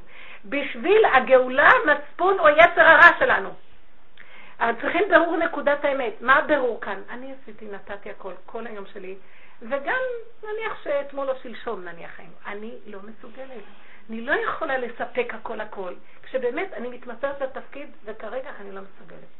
אבל לא צריך לריב, לא צריך לכעוס ולא צריך לתת ואחר כך לחפש את ה... זה כמו איזה מצב להתנצל, להצטדק או להאשים בתת הכרה ולא לסבול ולמחרת את תוקפת אותו באיזה נקודה. היא אומרת שלמחרת, והיא התעקשה עם עצמה, היא עשתה עבודה מדהימה, כי כל הזמן המצפון קפץ לה. היא אמרה, לא, כאילו היא הייתה נאמנה לדבר השכינה באיזשהו מקום. תפסיקי. המלכות יש לה גם איזה נקודה.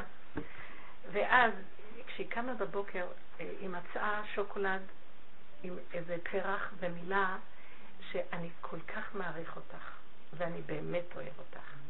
היא פשוט בכתה.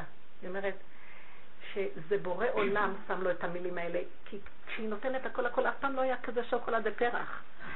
זה בורא עולם נכנס לו, היא קיבלה דרישת שלום בורא עולם, עשית עבודה טוב. זה לא להתאכזר, אותה אימא, זה לא להתאכזר אל הילדים, זה לא להתאכזר אל הבעל. בנות עברנו את הגבולות! ואנחנו עוד מכות את עצמנו שאנחנו לא צדיקות, ולא אמרנו מספיק, ולא התלבשנו מספיק צנוע, ולא זה... די! אתם לא מבינות שאנחנו משוגעים? כל המהלך היום שהולך עם כל הצניעות יתר זה שיגעון של גדלות. לא דייך מה שתורה אסרה, ובשאר האנרגיות לרדת פנימה לעשות עבודה אמיתית נכונה. יש הרבה מה לעשות על זה פנים בשביל הגאולה. למה אנחנו עומדים בחוץ וטוחנים את אותו טחן, מים טחונים טחנו, איך אומרים, בית הרוס הרסת ובית חרוב ואנחנו ממשיכים כאילו ולא תופסים איפה הנקודה. כי סגר עלינו המדבר, ואנחנו כמו מוכי סנוורים. השם מוריד אור להתבונן, וזה יבוא מאנשים. אין לנו טענה לגברים. הגברים מחכים לגאולה, מסתכלים על אנשים. ואפילו אם אישה תיתן ותשפיע, שהיא חושבת שזה על ידי החצנה של נתינה, משם תבוא הגאולה, למחרת הוא לא סובל אותה. מישהי אמרה לי, אני כל הזמן נתתי לו, מה שלא רצה עשיתי. ולמחרת הוא אומר, נתגרש. ככה הוא אומר לה, נתגרש. עכשיו נחזור לאותה שאלה. עד כמה אמורה אישה לסבול יחס מפה? אתם מבינות את התשובה? זה בא ממנה. זה בא מאיתנו בנות, עד שאנחנו לא נבין איפה הנקודה בנו, אין טענה לבעל. אני מבקש מכם, התורה ביקשה שנכבד את הבעל כי זה דבר תורה, נקודה. התורה אמרה, תכבדו. איך אני אכבד אותו שעושה כך וכך? את גרם שזה כך וכך אצלו. חפשי את עצמך. ואל תגידו, אז מה, כל היום אני, אני, אני? כשתתבונני באמת נכון, תדעי גם שהוא לא מאוזן, אבל זה בגללך חוסר איזון. זה לא בשביל להאשים את עצמך, בשביל להבין, אני לא עובדת נכון. ואז מה? את יכולה פתאום לסדר את זה, לא, לא, אבא, גליתי מארצי, התרחבתי מעצמי, השתגעתי, אני כבר טעיתי במדבר, סגר עליי, אני לא יודעת כבר כלום, כולם משוגעים, העולם כל כך משפיע עלינו, ואנחנו מחקים זה את זה, ואין לנו שום ייחודיות. ואנחנו לא יודעים איפה אנחנו מונחים כבר. אם אתה לא תגאל אותנו, זו הייתה הצעקה שיצאה למצרים, אנחנו לא יכולים יותר. והצעקה הזאת תצא קודם מהאישה. כי האישה באמת סובלת הרבה ועוברת הרבה. אבל מה? הטעו אותנו מבית אבינו. איך? הדעת, אז תתני עוד דעת, תתני עוד זה, ועוד יותר, עוד נדבך של על, על הסבל והייסורים, עוד את חונקת וחונקת וחונקת וחונקת, בסוף זה יוצא בגוף בייסורים. נשים חולות, כוחות כדורים, הרבה יותר נשים מגברים, זה דבר ידוע. נפש, אה, היום, אתם לא יודעות, יש קבוצה של נשים באחת היישובים היהודיים, עיר יהודית, מהחדשים שנהיו, קבוצת נשים גדולה, כמעט 50 נשים בדיכאון של אמצע לידה, של אחרי לידה. אחוז גירושים של צעירים מהסמינרים והכוללים, גירושים. אתם לא מבינים מה הולך פה? ילדים במצב לא פשוט, השם קורא לנו. לא, זה לא יכול להיות שאנחנו, זאת אומרת שבגלל שאנחנו עושים משהו לא בסדר, בגלל שאנחנו יותר מדי עושים. הוא אומר לנו, תעצרו, חזרו לאחוריכם, ואם לא, אני אעצור אתכם. ולא קוראים את המפה שהוא עוצר כדי שנחזור, לא, עוד עושים, אולי צריך לעשות עוד משהו ואז יהיה יותר טוב, בדיוק הפוך על הפוך. זה כמו שאנחנו נכנסים עכשיו לקראת שבת. רוב המאכלים עשויים, רוב הדברים מוכנים, למה את פותחת המקצוע לעוד עוגה? יש לנו את היצר הזה לפעמים. עוד עוגה, בסוף הכל נשאר, כמה אפשר לאכול? כן. סליחה, יש כאן מישהו מאחור.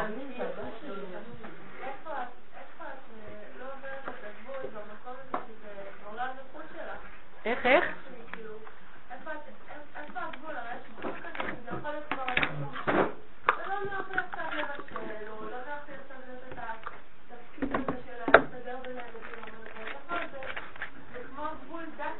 אז זהו, יפה, שאלה טובה, שצריך באמת הנחיה. בנות, אנחנו אף פעם לא מתחילות מתוך זה של רגל על רגל אנחנו מחליטות לברוח מהבית. האישה יהודייה, יש לה את הגן היהודי של האחריות. הבעיה היא האחריות יתר. אני עכשיו באה מכיוון הפוך, אנחנו פשוט יותר מדי. אם זה בחינוך, אם זה בגוף, בכל דבר. עכשיו תביני, אני רוצה עכשיו להתחיל מנקודה אחרת. אל תתחילו לעשות שום עבודה, רק כשיש לכם מצוקה. תתחילו לזהות את המצוקות ולא לדרוך עליהן. תתחילו לזהות את הסערה הנפשית, את החרדה, את הדאגה, את הפחד, אפילו בדברים הכי קטנים. אני לא מדברת, אנחנו כנראה כבר בדברים גדולים, כי כבר אנחנו לא מזהים את החרדות הקטנות. אני למה אתכם סיפרתם על זה? אני מנסה היום לעשות עקוב אחריי ליסוד של מאיפה מתחיל הלחץ, ומשם לעצור. אם אין לי את הדבר הכי קטן שאני מרגישה שהנפש שלי צריכה, אני לא מסכימה לוותר. ואחר כך אני רואה את השכינה שם. למה? כי זה לא אני, זה השכינה. אני דורכת על השכינה שלי, פוצעת אותה, בלי סוף. מאיפה יבוא הכוח אחר כך שייתן לי לנהל את הבית? מאיפה בא הכוח שלנו? אז הנקודה היא כזאת, איך אני אדע, אל תתחילי עם שום דבר, רק כשאת רואה שיש לך מצוקה. שאת רואה שזה לא נורמלי. שם, בוא נתחיל שם, אחר כך זה יביא אותך למקום יותר דק, אחר כך יותר דק, אחר כך יותר דק. אף פעם לא מתחיל ממקום שאני יושבת על כיסא והחלטתי לנסוע לווינה לחמישה ימים, ומה אכפת לי מה שיהיה בבית? אין כמעט מצב כזה בחוג שלנו. את רואה שזה... הגילוי הראשון שלי זה בעצם מקום שאני נכנסת מתוכו ללחץ או לבצות שהיא כבר מוציאה אותי מהצבא שלי, משם זו הנקודה הראשונית של להתבונן? בוא ניקח... לשלוח את הילדים בבוקר, להשכיב אותם בערב, אה, לקניות. שימי לב איך את נראית. נניח שכבר שלחת אותם בבוקר, יש לך כמה זמן לסדר את הבית ולקניות ולהכין את הארוחה והכל. אני, אני הבחנתי את עצמי בהרבה דברים, כי התבוננתי. את לא יכולה לעשות את הכל, אבל את רוצה גם את הקניות, ואת רוצה גם את זה וגם את זה, ואת רוצה את הכל לדחות, ואת חושבת שיש לך עוד הרבה כוחות. הרוח של הדעת היא רחבה, והיא מובילה את אדם לפינטוזים, דמיונות, רחבות הרוח. ואת רצה אחרי זה. זאת אומרת, זה נקרא צדק משמיים נשקף, זה הגלות. אנחנו עולים לרוח ולוקחים את הרגליים, מעמיסים על הראש וככה רצים. אבל במוקדם מאוחר הגוף מתחיל לאותת. אי אפשר הלחצים, כי את מתחילה להפעיל כוחות מהרזרבות שכבר אין, כדי להספיק את הכל. פעם, פעמיים, שלוש, הילדים חוזרים בצהריים, וזה לא מה שרצית בטוח. את רצית לקבל אותם עם ארוחה ועם חיוך, ולתת להם נשיקה ולשמוע אותם, אחרי זה תופסים אותך, תפסו אותך על חם באמצע, עוד לא הספקת לשים את הסיר, עוד לא זה, והילדים חייכים, כן, כן, כן, ואת עוד רצה עם התוכנית, וכל יום זה חוזר למשנה. תתחילי לעצור. את לא יכולה לעשות הרבה דברים. אני למדתי שאם אני... יצא לי פעם איזו חברה שהייתי אומרת לה, מה עשית היום? אז היא הייתה יושבת ואומרת, היא בעבודה חזק. אה, עשיתי אה, כוס אורז, והתחלנו מתחילה לפרט לי מה היא עשתה, ולנו זה נשמע מצחיק. הייתה בכזאת חשיבות על כל פעולה שהיא עשתה, היא השקיעה. ולאט לאט הבנתי עכשיו טיפה שהיא לא נורמלית, איך היא מדברת? מה? עשתה כוס אורז. אני יכולה לעשות 50 אלף דברים ברגע אחד שהיא עושה כוס אורז. אבל היא כבר לא, ודיברנו הרבה, היא לא הלכה יותר על הגדלות. אני לא רוצה להיות גדולה. אני לא רוצה להיות אישה כל יכול. אני לא רוצה להיות, אני לא, אני רוצה לעשות כוס אורז במנוחה. למה אני צריך, למה אני צריכה להיות יכולה? מה, בשביל הדמיון הרגשי שלי של הגדלות. אני לא רוצה, אני רוצה לחיות. אני גם לא רוצה להיות צדיקה בעולם הבא שייתנו לי גן עדן העליון. אני רוצה בעולם הזה לחיות בקטן וטוב, כמו שהשם רצה ממני, ומה שהוא רוצה אחר כך הוא ייתן לי. וההפך, ככל שאני יותר קטנה, אני יותר נזהרת, כי ככל שאדם עושה דברים גדולים, כמה פרח של עבירות הוא סוחב אחריו. בייחוד אנחנו כנשים, חושבות שעושות מצוות, הולכות לזאת, לזאת, לזאת, לזאת, הרבה דברים שאנחנו מחויבים בהם לא עושים. בדיוק, שחז"ל אמרו, אני אבד לך קודמי. תתחילי, יש לך ענייה קודמת לכל. איך אמר הלל הזקן? אני לוקח את הענייה שלי לעשות איתה חסד, עלובת נפש. שאלו אותו, מה אתה הולך לעשות לבית המרחץ? אז איך הוא התבטא? אני הולך לקחת את העלובת נפש שלי לבית המרחץ. זה ביטוי מדהים. הוא חי שפעולה שהוא עושה לעצמו, הוא מקים את השכינה שלו, אז יש לו כל היום מצוות, גם אם הוא לא עושה כלום. כלפי חוץ, והוא היה איש, כי האיש מצווה להרבה דברים בחוץ. אבל האישה שכל כבודה בת מלך פנימה, גם כבר אנחנו לא מסתפקים בכל כך הרבה דברים שיש לנו, גם אנחנו צריכות את זה, ואת רואה, היא עשתה וזאת עשתה ויש לה שם, והיא כתבו עליה כותרות, והיא זה, ואני, מה אני? משוגעת, בשביל מה את צריכה את המרוץ הזה? את לא אמורה לכלום, שבי בדלת אמותייך. גם כל הנושא של קברות צדיקים, כל הנושא של... כאילו אנחנו לא מספיק עושים מה יהיה איתנו, מה יהיה החלק הבא שלנו בעולם הבא. מה אתם חוזרות על העולם הבא? אם לא יהיה העולם הזה, לא יהיה עולם הבא. אתם לא מבינות שעולם הבא נחשב, אה, אם יש פה איכות ונקודות דקות, והאישה בקטנות, בהתמעטות ובריכוז האיכותי של כל דבר. לא בחוץ, לא סתם גדרו אותה חז"ל, ותראו, פרצנו את כל הגדרות בשם היהדות. איזה יהדות זאת? מאיפה זה כתוב? מה? כן וכן וכן. בסדר, זה כדי למצות את הכוח לגמרי, אבל הוא כבר צונח. אין כוחות. לכן, תתחילו מהמקום שאתן רואות, זה לא נורמלי. לא, תעשי פעולה אחת. תוותרי. אם את רואה לחץ, תוותרי. נניח, הילדים יוצאים עכשיו, ושימו לב, יש לך הרבה ילדים להוציא, בלי עין הרע, ברוך השם, הבית היהודי. קודם כל, איך זאת אמרה לי? בשביל מה כל כך הרבה ילדים?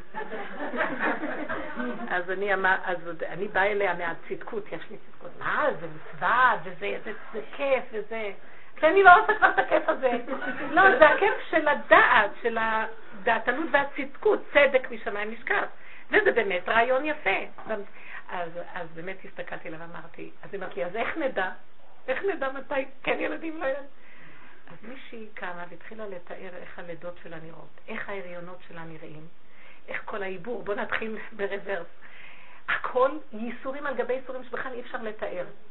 שאין לה חלק בגוף היא שוכבת כל כמעט החודשים, וכל ילד שנולד יותר קשה מהשני. וכן, העולם יש לה שלושה ילדים, והיא אומרת, ואם עכשיו יגידו לי ללדת, אני אצרח צרחה גדולה ומרה ואני אלך להתאבד. אז, אז הסתכלתי עליה ואמרת, עכשיו נתת לי את התשובה. כל עוד את עם הרגליים על הראש ולא חיה את החיים באמת, איך שזה, בלחצים, בכאבים, במצוקות, למה לא? תרוצי עם הרוח, והרוח תסדר לך את החיים. אבל הקדוש ברוך הוא מתחיל להוריד אותנו מהרוח. אנחנו חוזרים לאדמתנו, כאילו מתחילים לנחות, ומתחילים להרגיש כמה קשה כל דבר. אז במקום הזה אי אפשר לעשות כמו הדמיון הרוחני הרחב. הלוואי ונעשה דבר אחד נורמלי טוב, אנחנו נגיע למקום הזה. במקום הזה, בורא עולם ייתן ייתן לנו נשיקה, יגיד לנו, אני לא מחפש את כל הגדלות הזו, אני מחפש שתהיו איתי בנשימה הזאת. אני לא, אני לא איתכם בתוך הכאבים שלכם. אני לא דורש מכם יותר מה שאתם יכולים. בראתי כל דבר בגבול שלו, בגדר שלו, ואתם יצאתם מהגדרים והגבולות. וזה הגלות. מה זה הגאולה? חזרנו למשבצת. שבת, שבו איש תחתיו, כל אחד בנקודה שלו, אין ל"ט מלאכות, אין ריצות. הל"ט מלאכות זה הל"ט דמיונות שיש לאדם בכוח העשייה הדמיוני של עץ הדת. זה ל"ט כנגד ל"ט קללות של עץ הדת. זה כי אנחנו מדומים שאנחנו יכולים ויכולים. טוב, זה שישה ימים לדבר הזה. אנחנו נקרא את האלף השישי, סוף, סוף האלף השישי. אז שבו איש תחתיו, תתחילו, תתחילו, תתחילו להירגע. לא, אז כל כך הרבה איסורים, את לא, יכול, לא יכולים לדרוש ממך, לאור הנתונים שלך, לא יכולים לדרוש ממך את המצב הזה. והקדוש ברוך הוא מתחיל להוריד אותנו ומתחילים להתרבות. אנחנו מתחילים להרגיש את האדמה, אתם שמים לב? מתחילים להרגיש כבד. כל דבר הופך להיות יותר קשה. מה שפעם היו יותר קשה. נשים יודעות שתי ילדים, אין להם כוח. לא המטרה להגיד לא ללדת, המטרה, חס ושלום, חס וחלילה. קודם כל, אף אחד לא יכול להחליט בלי ללכת לרע. והרבנים הרבה פעמים רואים את המצב ומסכימים עם הנפש, יש להם את הדת הנכונה להבין שאנחנו בפיקוח נפש ממש, ואין טענה בכלל. הטענה היא זה, הנפש שלי טוענת על עצמה, אין לי השלמה, אין לי קבלה, אין לי הכנעה. הגדלות גונבת אותי והשיגעון הגדלות רודף אחריי. אני רוצה לראות כל ילד הכי שפיץ, הכי גדול, הכי צדיק. די, די לו שהוא נושם והוא בריא והוא לומד תורה, ברוך השם. אז, אז בגודל שלו, ביכולת שלו, ירדתי מהרבה דברים שפעם הייתי חולה עליהם, כאילו. וראיתי את החולי ואת השקר. אז אה, למה בעלי לא עושה זה ולא זה? די לו שהוא ככה, זה גם טוב. די שזה תתחיל להיות קטנים, השכינה זה קטנות. לא יכולה לבוא האור של הגדלות, של הגאולה, עד שלא יהיה קודם כל נקים את האור של הקטנות. אנחנו בדמיון הגדלות. זה לא הגדלות באמת. זה דמיון הגדלות שלא נותן לנו לחוות את הפשטות, ואנשים חייבות להיכנס למקום הזה. רחל הקטנה, דוד הקטן. כן. לפעמים אבל בכוס אורז הזה שאת מכינה, אה, אני מחפשת שם, כאילו, אני אומרת לעצמי, יש איזה מין כאילו שקט כזה, זה ומזבחון כזה, ואני אומרת כזה לעצמי, טוב, עכשיו, איך את איתו? איך את איתו באורז הקטן הזה? כן, במה? בזה שאני מדברת? בזה שאני... בואי, בנות, עוד ניקח את הנקודה הזאת מאוד יפה. הדעת מחפשת אותו, הבנתם? הדעת אומר, טוב, אני עושה אורז קטן. ישר אני מחפש איזה, מי, מי, אה, למי מגיע הכבוד. מי שבורח מן הכבוד, הכבוד רודף אחריו. אבל מי שבורח מן הכבוד, הוא מסתכל לראות איפה הכבוד. ברור שהכבוד לא ירדוף אחריו. אם את רואה שאלות של הדת, אז איפה הוא? תסגרי את המוח הזה. תסגרי, אל תתני למחשבות. תעשי אורז. אחד, רגע, ועוד אחד, ועוד אחד, ועוד אחד. תנשמי ותדברי. תדברי. הדיבור זה יותר גילוי השם במה שהאדם במדרגתו יכול להשיג. כי אין כוחנו אלא בפה, ופה אל פה הדבר בו. משם זה מתחיל. אז תדברי בורא עולם, תרחם עליי. אני ישר חושבת, על מה אני אדבר איתו? שישר המוח נפתח לי איפה אתה. כל הזמן מחפש אותך איפה אתה, איפה אתה. אם אני אנשום, הנשימה זה אתה. מה זאת אומרת זה אתה? מה? הוא אינו גוף, אינו דמות הגוף, לא יכולים לראות אותו. הדעת מבלבלת אותנו במושגים, בהבנות, במדעים, בגילויים, נושרתי, עניינים. לא. זה ההתפעלות של ההתרגשות של המחשבה. יש מחשבה ויש התרגשות של המחשבה ויש התפעלות של ההתרגשות ויש את ההתרחבות.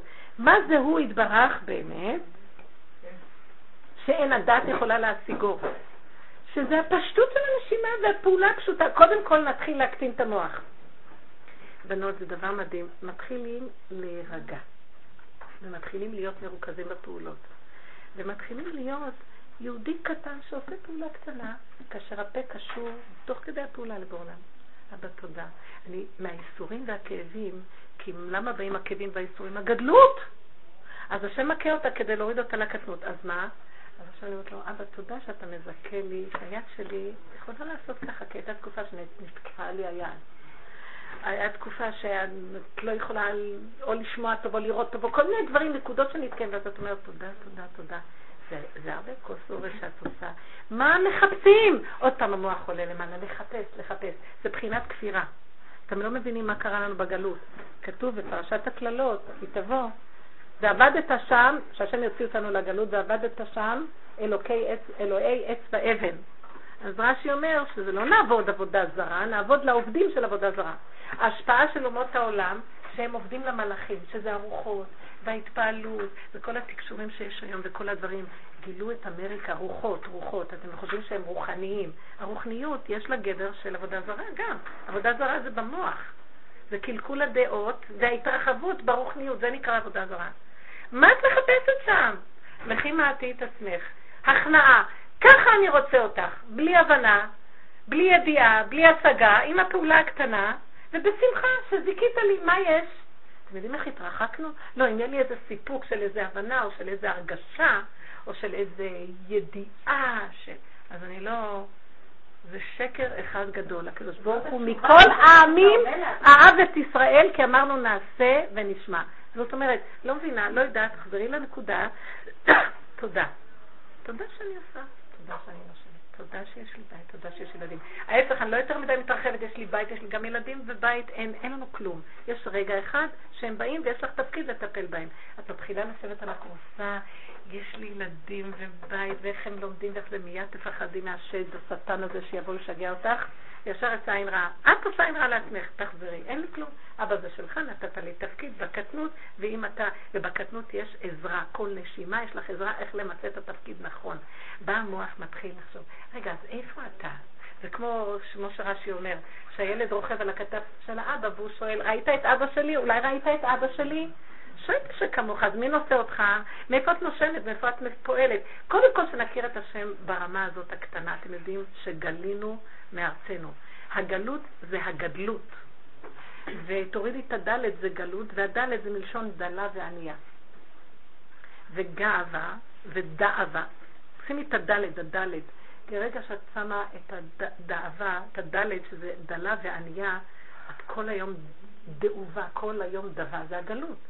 כל הגדלות הזאת היא מסוכנת מאוד, ולאישה הוא נתן תפקיד, לכי מעטי את עצמך. בגדר של ההתמעטות לקראת הסוף מתעורר את הכוח של הנקבה, ההתמעטות, שמה נמצאת השכינה. קודם לגלות את הכוח של ההתמעטות, ששם נמצאת השכינה, ואחר כך להביא אותה לגדלות שזה בעלה. זה כאילו השושבינים של הקודשא בריחו והשושבינים של השכינתה, ואז תהיה החופה הגדולה, הבחינה של מתן תורה. אנחנו עוד לא התחתנו עם השם, אנחנו רק מאורסים, תדעו לכם. הגאולה האחרונה זה הנישואים. אני אמרתי לו כבר שהכלה זקנה 3,500 שנה ממצמצת עין וגוררת רגל, אין לה כבר שערות, איך היא נראית? אז בואו נתחיל לשפץ את הכלה. זה את הנפש שלך, אתן לא מבינות? למה את נראית ככה? אני קניתי כובע קטן יפה לבית. כזה ברד קטן. וצחקתי איתו ככה, שיבוא בא לי שזה ראה יפה. אז הוא בא, הוא אמר, מה זה הדבר הזה? אז לרגע נעלבתי קצת. אז מצאתי את עצמי רוצה ללכת להסיר את זה כדי למצוא משהו אחר. נעלבתי קצת ולא רציתי. אמרתי, את לא תורידי את זה מהראש. זה נכון שהוא אמר מה זה. עכשיו, לא התעסקתי איתו בכלל. למה את כל כך שבורה מזה שהוא אמר ככה? זה נעים לך, טעים לך, טוב לך, תישארי ככה. לא שאת רוצה עכשיו, לא, בשביל הבעל. נכון שבשביל הבעל. זה לא קשור אליו, כי אחרי רגע ראיתי שהוא שכח מזה לגמרי. הוא המשיך לדבר איתי, וכשאני התחלתי, הכרחתי את עצמי להישאר עם הכובע, ולא לפחד, מה הוא יחשוב עליי, איך אני נראית, לא נראית, אני כן נראית, הייתי רוצה לראות יותר יפה, יותר נכון, לא. לא. אני רוצה להיות בהשלמה איך שאני נראית, עם עצמי. ואחר כך ראיתי שהוא אומר לי, זה בעצם נחמד. מה, אז כל שיגעון אני ארוץ לסדר את השני? החלטתי שאני אכריח את עצמי להתעקש, זה לא בעיה שלו, זה הבעיה של החוסר ביטחון עצמי שלי, כאילו אני נותן... לא, אבא, אמרתי לו, אבא, אתה קנית לי את זה, אתה נתת לי שאני אקנה, ואתה עשית לי שימצא חן בעיניי, אז תן לי לשרת את אותה נקודה. כן, נכון שהייתי יכולה להוריד את זה לשים אחר למצוא חן בעיניו. לא, אני רוצה עכשיו להיות נאמנה לחלק של השכינה שבי. אני אשאיר את הכובע ו... ויהיה נחמד, ואיך שאני אשא אותו עליי בכזה חיבה ומתיקות, ככה גם הוא יראה את זה. ומשם יסתדר הכל. ובאמת כך זה היה. עכשיו אני כל הזמן הורסת את זה. ראיתי שבכלל לא, לא אכפת לו. סתם הוא אמר איזה הערה, אז מה? וכל זה אנחנו מאוימות. אין לנו, אנחנו מאוימות. יש לאישה חצי מהמלכות. והבעל מחכה מתי תתיישב על הכיסא שלה, הוא מעריץ את זה. זה כמו אשת חיל, קמו בניה וישרו הבעלה ואלה. זה לא לשבת איך אנחנו על פי דעת מקבלות את זה אנוכית, גאוותנית, יושבת על כיסא המלכות, לא מפרגנת לביתה ולבעלה ולילדיה, שקר וכזב. נכון אתן קולטות שזה שקר המחשבה הזאת? סליחה, את נאמנה לתפקיד, את עושה מה שצריך. למה את לא נאמנה לשכינה שלך? למה את דילה... זה הגלות, דילגנו על זה, בסדר. לחזור לזה. אה, זה לא אומר עכשיו שמפרקים את הבית כדי לחזור לזה. מפרקים את השקרים ואת יתרת הכוחות ששמנו שלא בגדר, שזה כבר אנושי, מה שקורה לנשים. זה חס ושלום לא קשור לבעל ולילדים, קשור לשקרים שסובבנו את עצמנו ביחס לבעל ולילדים. אתם מבינות את הנקודה?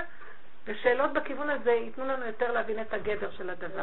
משעמם, אבל צודקת, היא צודקת. הנה, זה מה שהיא אמרה, אז מה, אז אני יושבת עם האורז, אז מה עכשיו? כי למה? אני עם האורז, וליבי מרחפת בכל העולמות. אני יכולה להגיע לניו יורק ולהיכנס לדירות ולדבר עם אנשים. מה לא קורה בזמן הזה? ריחוף, שקר, דמיון. אין לי קשר בכלל לכלום. עוד פעם, לנשום, להתחזק, להחזיר את הכוחות, להשיב אותם מהגלויות. קיבוץ גלויות. מנות, אישה צריכה להיות מרוכזת, עכשווית, בהתמעטות ובמתיקות עם ההתמעטות הזאת. זה שפיות הנפש, וכל השאר זה שיגעון הגדלות, נכנסים רוחות. המוח פתוח, היום רוחות באוויר, יש היום הרבה וירוסים והווירוסים ורוחות רעות. חלל כדור הארץ הוא לא פשוט בכלל. תסגרו, תסגרו, תסגרו. גן נעול, אחותי כלה גן נעול. לנעול ולסגור. להישאר עם המינימום הקיומי, ושם בפנים אפשר לפתוח, לא בחוץ, לא פה. הפתיחה היא בפנים, הקשר עם בורא עולם, הדיבור. אני לפעמים מגיעה למקום שאפילו לדבר בקול רם אני מפחדת. עוף השמיים מוליך את הכל. אפילו להגיד, השם, אני כל כך אוהבת אותך, אני כבר לא אגיד בקול רם, אני מדברת את זה בלב. ישר יש קטרוגים, ישר בא ניסיון, ישר בא זה שקט, הפנמה. כל כבודה בשמלך פנימה. רחל תפסה את פלך השתיקה. תבינו איזה, מה זאת אומרת, שתיקה כלפי חוץ, בפנים, עולם ומלואו. כל רגע איזה קשר אחר, איזה הכרת בורא, הוא מציץ עלייך מכל הכיוונים, כל רגע הוא פותח לך את הבינה ואת השכל, האינטליגנציה הנכונה שמגיעה לך בתור אישה, ממקום אחר לגמרי, כיוון אחר לגמרי. עולם הפוך ראיתי, לא עולם הדת, בכלל לא לפי הדת. שלפעמים הדבר ההפוך זה דבר, זה הנכון. עד כדי כך השכל הנכון נמצא בגלות. כן. השאלה שלי היא בזמן של ניסיון, אה, שמערער בעצם כאילו, גם לי לוקח איזה זמן קטן להבין שאני בניסיון, למרות שלפעמים הניסיון הוא פשוט כזה ענק, אי אפשר... הניסיון גדול. כן. אה, בזמן הזה אה, אני כבר לא יודעת לאיזה קול להאמין. זאת אומרת, יש את הדעת שמדברת, יש את מה שאני מרגישה שמדבר, אני כבר לא יודעת להאמין, אני אומרת בסדר, הכל שקר, הכל דמיון, אבל אבא תעזור לי. בנות, את יכולה להאמין, בנות, אם באות לכם הרבה מחשבות, ואת לא יודעת לאיזה מחשבה להאמין, אל תאמיני לאף אחד. תסגרו ותנשמי. כל פעם שיש מצוקות, תוותרו. המצוקות באות מהפרשנויות וההתרגשויות של הפרשנויות, וזה עץ הדעת, ואנשים שמה, אנחנו חייבות לעשות אחורה פנה. מאוד בסכנה. איזה מחשבות נכנסות לבני אדם היום, איזה סערות נפשיות, איזה, והכל סתם. לא חייב המציאות להיכנס שם בכלל. לסגור את המחשבה ולנשום. את חייבת לפתור את הבעיות, את חייבת uh, לסדר לך מסודר במוח מה קשור זה לזה, ועד שלא סידרת לא תהיה לך לא, רגיעות. זה נגיד כמו השאלה שהקראת. כמו. אה, זה לא מקרה הניסיון שלי, אבל נגיד, נגיד אישה שבזה הרגע תקבל את הספירה. אז זה ניסיון, כאילו, היא צריכה לעמוד שם ולהחליט מה היחס שלה לסתירה שהיא קיבלה. זאת אומרת, את מבינה? אני אגיד לכם את זה. כל סתירה שיש לנו... בתוך הבית, והייתי צריכה להחליט, כאילו, עכשיו, מה אני עושה? ביקור מטורף בתוך... כן, לא משנה. זה הסעיר אותך. לא הסעיר אותי. אה, היה לי ניסיון מאוד קשה, שקורה לי פעם בכמה זמן, עם איזו אישה שהיא לא נורמלית, אה, ויש לה ילדה שהיא נולדה פגועה גם. ואיכשהו שאני גלגל אותם אליי, ומהפעם הראשונה שראיתי אותם הבנתי שאני לא יכולה כאילו לברוח מזה. שאם זה, כאילו, ככה זאת ההכרה, הרכוש. שאם זה הגיע אליי, אז אני אנסה להתמודד עם זה, ולתת מה שאני יכולה, ולהמשיך הלאה. ופתאום היה לי את הביקור הזה, וזה נורא מסעיר את הבית, והיו לי אורחים, אבא של בעלי היה, והייתי בכלל, כל היום התכוננתי לארח אותם. פתאום הגיעה אליי אישה לא, לא נורמלית, עם הבת שלה שהיא חולה. והתחילו לצעוק סביב המהומה כזאת, והילדים שלי נורא לחוצים, כבר מכירים את זה, אז הם רצו לברוח, וכאילו, אז צריכה להחליט, מה אני עושה? תעצרי רגע. ויש איזושהי מין נקודה כזאת, שאתה אומר שזה עכשיו, אז הלכתי לבעלי, ואמרתי לו, תשמע, אולי בכל אופן נתגבר, ונארח אותם גם. אה, והוא אמר לי, לא, היום לא. היום כאילו אבא שלי הגיע, אה, לא. ומצד שני אני רואה את הנשים האלה שהן נזקקות להכנסת אורחים. ואני אומרת כאילו, עכשיו כאילו... אבל זה הכל בגללך שהוא סילק אותם. אני אגיד לכם למה. ולא, אתן יודעות, רגע, תבינו למה, תמיד... שלא תבינו, אני לא מצדיקה, שפתחתי את הדלת וראיתי אותה, הפנים שלי כל כך נפלו, זה לא שאני, וואו, הפנים שלי כל כך נפלו, שאמרתי לה, שהיא פשוט אמרה לי, את לא צריכה לראות אותי אפילו קצת? ישר כאילו, כן. הוספתי את עצמי, כאילו, אתה יודע, יש איזה, לא תדקות, יש כאילו איזה מידה של הגינות, אוקיי? נכנס בן אדם הביתה ואתה רואה שהוא, זה לא נכנס בן אדם, השם שלח בן אדם הביתה. השם שלח לי, למה הוא שלח לי? ניסיון. מהו הניסיון פה? אין לי, אין לי שום אה, שליטה בנתון הראשוני פה, שימו לב, זו סיבה מהבורא. מה הוא רוצה להראות לי? תראי איך את נראית. מבולבלת לחלוטין. אני יודעת שאני משוגעת תקשיבי. מה זה הכיוון אני משוגעת? אני גם לא רוצה סתם להאשים אותנו, אני רוצה רק לדייק באבחון. אה, הסערה מתחוללת אצלי. נכון שעכשיו בבית יש כמה אנרגיות שונות. למה אני מתבלבלת מהן? כי אני רואה את זה, ואת זה, אני הולכת על המוח, והמוח הוא כללי והוא גדול והוא משקיף. שם המוות של הנקודה הנשית, נקודה נשית מאוד מסוכנת. מה את יכולה לעשות? תחלקי אותה לכסף קטן שזה הרגע, זה ההווה. פותחת את הדלת, יש את זה. יש לך ישר מחשבה, ומה יהיה עם זה? מהר מהר לסגור אותה. אבא זה אתה מביא, זה השליטה של כל העבודה. אני לא אחראית. אם עוד שמתם לב, הגדלות, אחריות, אני צריכה לסדר את זה ואת זה ואת זה, ואיך אני אעשה את זה, והכל פה. באמת לא קרה בינתיים כלום. כי מעולם לא אמר אדם, צר לי המקום שלים בירושלים, הכל יש מקום לכולם. אבל אני ראיתי את זה בהרבה דברים. והנקודה שראיתי, את לא מבינה איזה כוחות ואיזה יכולות לא בטבע, שזה של בורא עולם בתוכנו, שהוא מנווט את עולמו. מה את רוצה? צי מעולמו. למי אני אומרת צי? לאני הזה, שרוכב בראש עם הכתר והוא יושב לו בדמיונות של וייתם כאלוקים, אל תתבלבלו. לכן אנחנו מאוד התרגלנו לדת הזאת, ואז הדת עושה סדר, את זה לא מזמינים עם זה, ואת זה לא עם זה. בסדר, אנחנו באמת רוכבים על הדת, אבל השם מסדר לנו.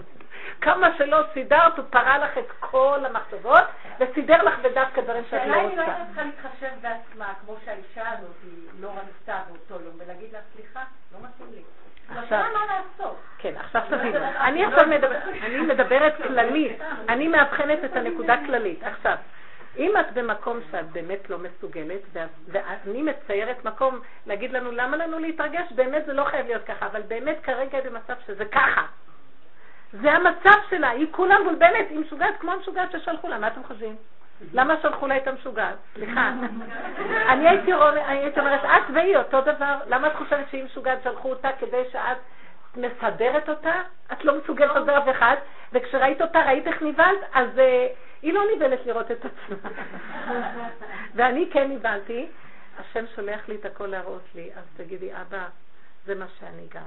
ואם כן, איך אחת כזאת יכולה לארח אחת כזאת? זו הוכחה שרק אתה יכול לארח. אני זזה, חי וקיים, תיגל את העולם שלך, שלחת. הבית לא שלי, החיים לא שלי, כלום שתיכנס. זה מאוד קשה. עכשיו, מאחר ואנחנו לא במקום הזה, והיא מציעה, ואם את לא כאן, אז תשתגעי, בעלך כבר סידר את התמונה, ותקשיבי לו.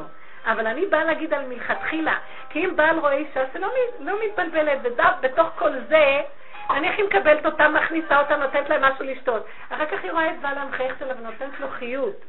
הוא יחשוב, מה הכנסת את ההיא?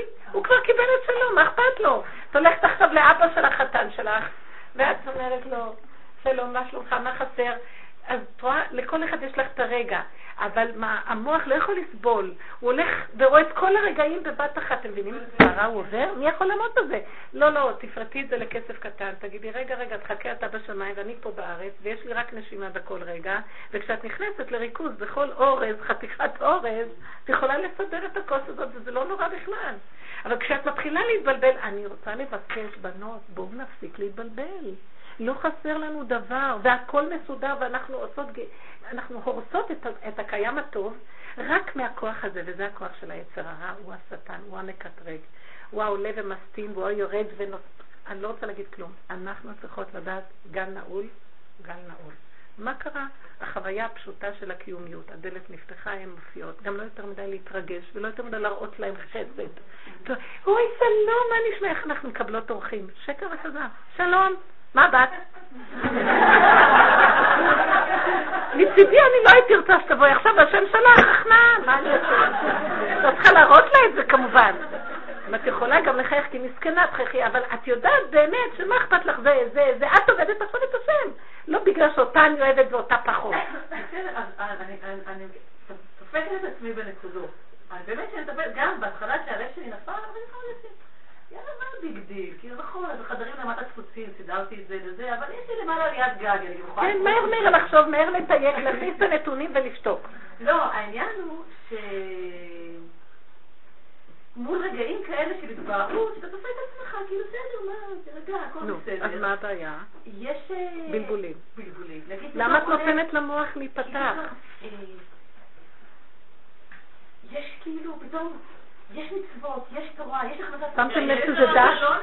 הדת, הדת במוח, איפה מצוות? איפה? יש מצוות, יש תורה. מה אני אעשה עכשיו כשתורה אומרת מצוות, עניינים, איפה? שמה לב שזה הכל במוח? תרדי, תרדי, זה לא המקום שלנו בכלל. יש אישה שדפקה בדלת והיא צריכה כוס תה חם, תני לה. יש אבא של בעל שנכנס והוא צריך, הבעל עכשיו רוצה ככה, טוב. כשכל הזמן את רואה איפה את נמצאת, כי את לא יכולה לשרת אף אחד אם את לא במקום שלך. תכנסי פנימה. ואל תתבלבלי מאף אחד, ראש קטן, ראש קטן, וידיים הולכות בסוף. שמתם לב את האשת חיל? אז אחד הדבר שכל כך מקרין לנו מהאשת חיל הזה, זה מוח ריק ולב נקי. וידיים מלאות עבודה. האלוקות נכנסת, היא בחינת גולם של השם. והשם פועל בתוכה, זה לא יכול להיות כל כך הרבה פעולות סותרות בבת אחת בכיוונים שונים, והכל בלי סתירה. זה כוחות, זה האשת חן, והן היו נשים באמת, זה לא סתם איזה דמות הירואית שלא קיימת, היו נשים כאלה. אלה היו נשים חזקות, שחגרה בעוז מותניה וטעמי זרועותיה וזרקה את הכנעני הזה, חגרה אותו, שלא תיתן לו להיכנס. תסגרי!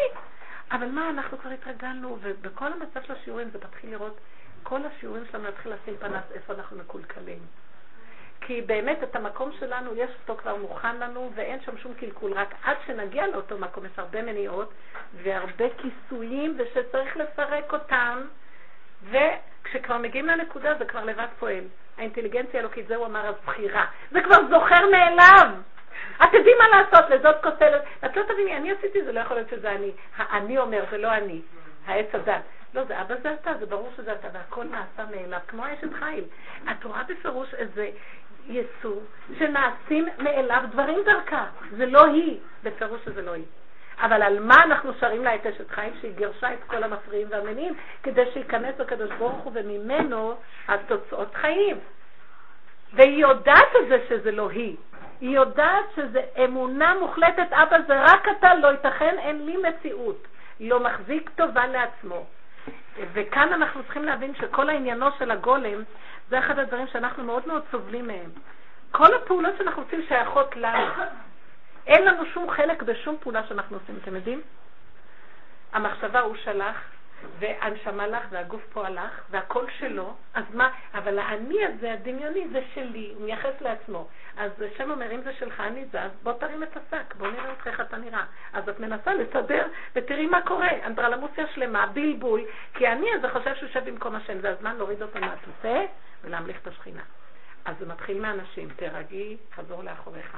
אם זה בילודה, אם זה בשלום בית, אם זה שכנים, אם זה חסדים, מה לא. לא להתבלבל משמע. עשרה ילדים יוצאים בבוקר, סליחה, אני יכולה הרגע הזה לטפל בילד הזה. המוח שלי יגיד, עוד מעט אתה עושה, תבוא, שב תבוא. אני, יש לי את הדיבור, זה למדתי מהחפץ חיים ש...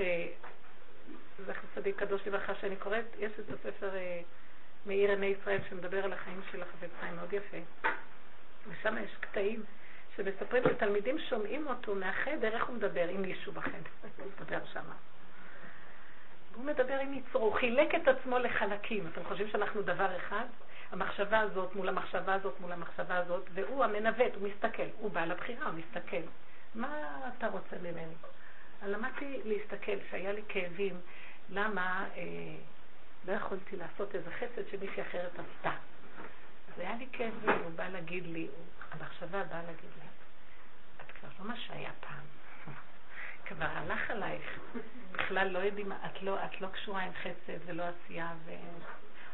סתם מדברת השם, בכלל לא קשורה. אז uh, היה לי מצוקה. נכון שיש מצוקה במחשבה כזאת? כי למה היא עשתה וזה, וכולם אמרו שהיא... ישר קלטתי שאני במצוקה. תפסתי, יש לי מקל עם שלוש מסמרים חדים לכיוון שלו. אמרתי לו, אתה תעוף מפה, אני מזהה מי אתה בכלל.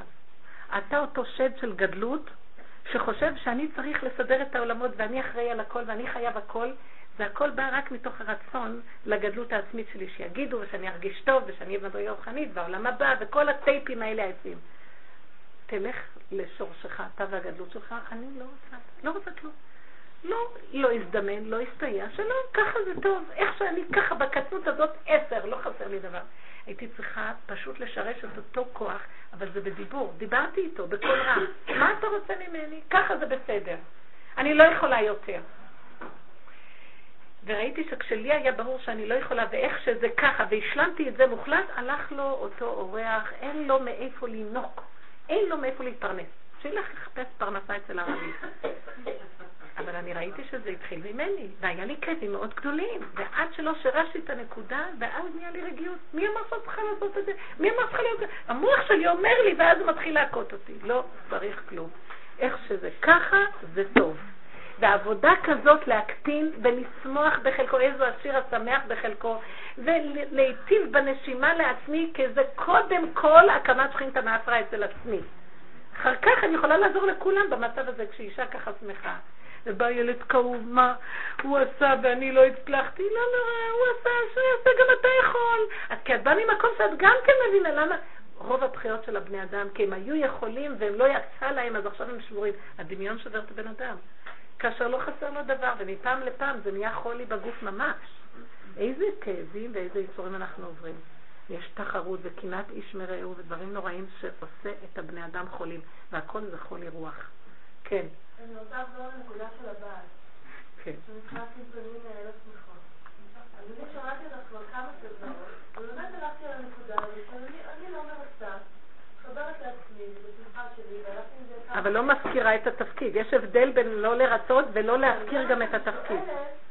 כי באיזשהו שלב הרגשתי כמו יחסית בסדר, אין מריבות, אבל איזשהו נזק גם. כאילו את יודעת מה זה מראה לי?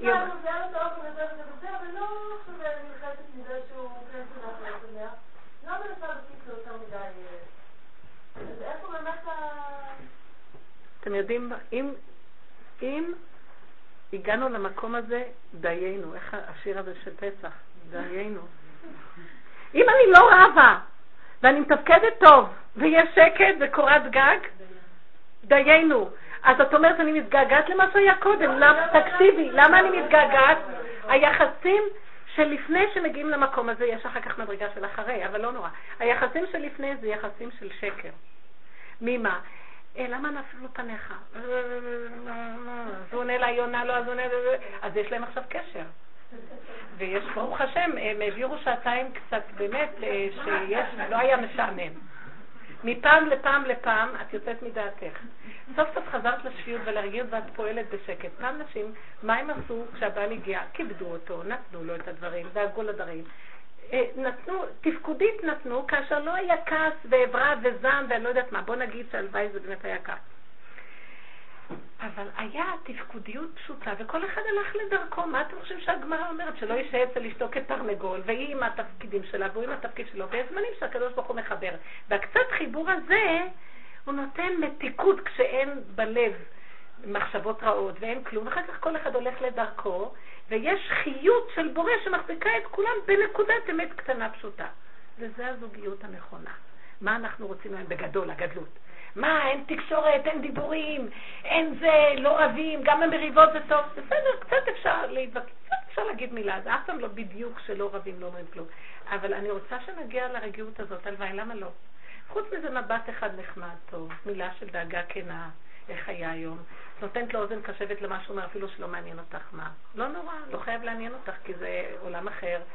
אז למה את חושבת שזה גרוע? למה את מצפה יותר, גברת? לדמיונות שכתוב. הדור שלנו מושפע מאוד מהפסיכולוגיית הגויות. תקשורת, ומדברים, ועושים דברים ביחד, ומבשלים ביחד. איזה דמיונות אלה. אין זוגיות ביהדות, את יודעת? השם מזווק זיווגים, והוא ביניהם מקשר. לא היא תסדר שהוא יסדר שהם יסתדרו ויהיה להם זוגיות. מה פתאום? מה זה הדבר הזה? זה מתאים לפסיכולוגיה של אומות העולם. אז מה רע לך במלכות שלך? את חושבת שאסתר ישבה במלכות של אחשוורוש? כל אחד, מאסתר אנחנו לומדים מהי המלכות הנכונה. המלך זה הקדוש ברוך הוא. זה כל אחד והמלכות שלו, המל, המלכה עם הנערות שלה והמלך עם העניינים שלו, ויש פרקים שנפגשים. מה רע בזה? מה זה זוגיות שאתן מחפשות? אבל מה, בגלל שקודם היה סוער והיה כואב, ואת עוברת עכשיו למהלך הזה, זה נראה כאילו חסר מצוין. לא נורא, אבל את יודעת מה אם תתבונני, תראי. תנצלי את המרווח שנוצר. לסדר את הבית יפה, לקשט לשים מוזיקה, לעשות פרח, לעשות עוד עוגה טובה, לשמח את הילדים, להיות שמחה עם החיים שלך. מה רע בזה? מה אתם מחפשים? אז גם הבעל לא מרוצה זמנית בגלל שהוא רגיל למריבות ולגירויים האלה, ופתאום נהיה לו, הוא לא עובד עלו, על העבודה של עצמו. אז נהיה לו איזה חלל, והוא מחפש גירוי של מריבה. בבקשה, אל תפק זממו. תזהרו מזה. תהיו אבל בסדר בעניינים שלכם. לא להיות במצב של גירוי שבאמת יצדיק איזה... אז uh, הרבה פעמים זה נופל. ותהיי חזקה בנקודה שלך. לא, אני לא נכנסת למצב, אני לא יכולה להתווכח, לא נכנסת לכלום. אתה צודק ואני לא יכולה. שפיותנו חשובה לנו מהכל, ובזה אנחנו מקיימים את הבית וגם אותו. אז אתם לא יודעים שהשטן...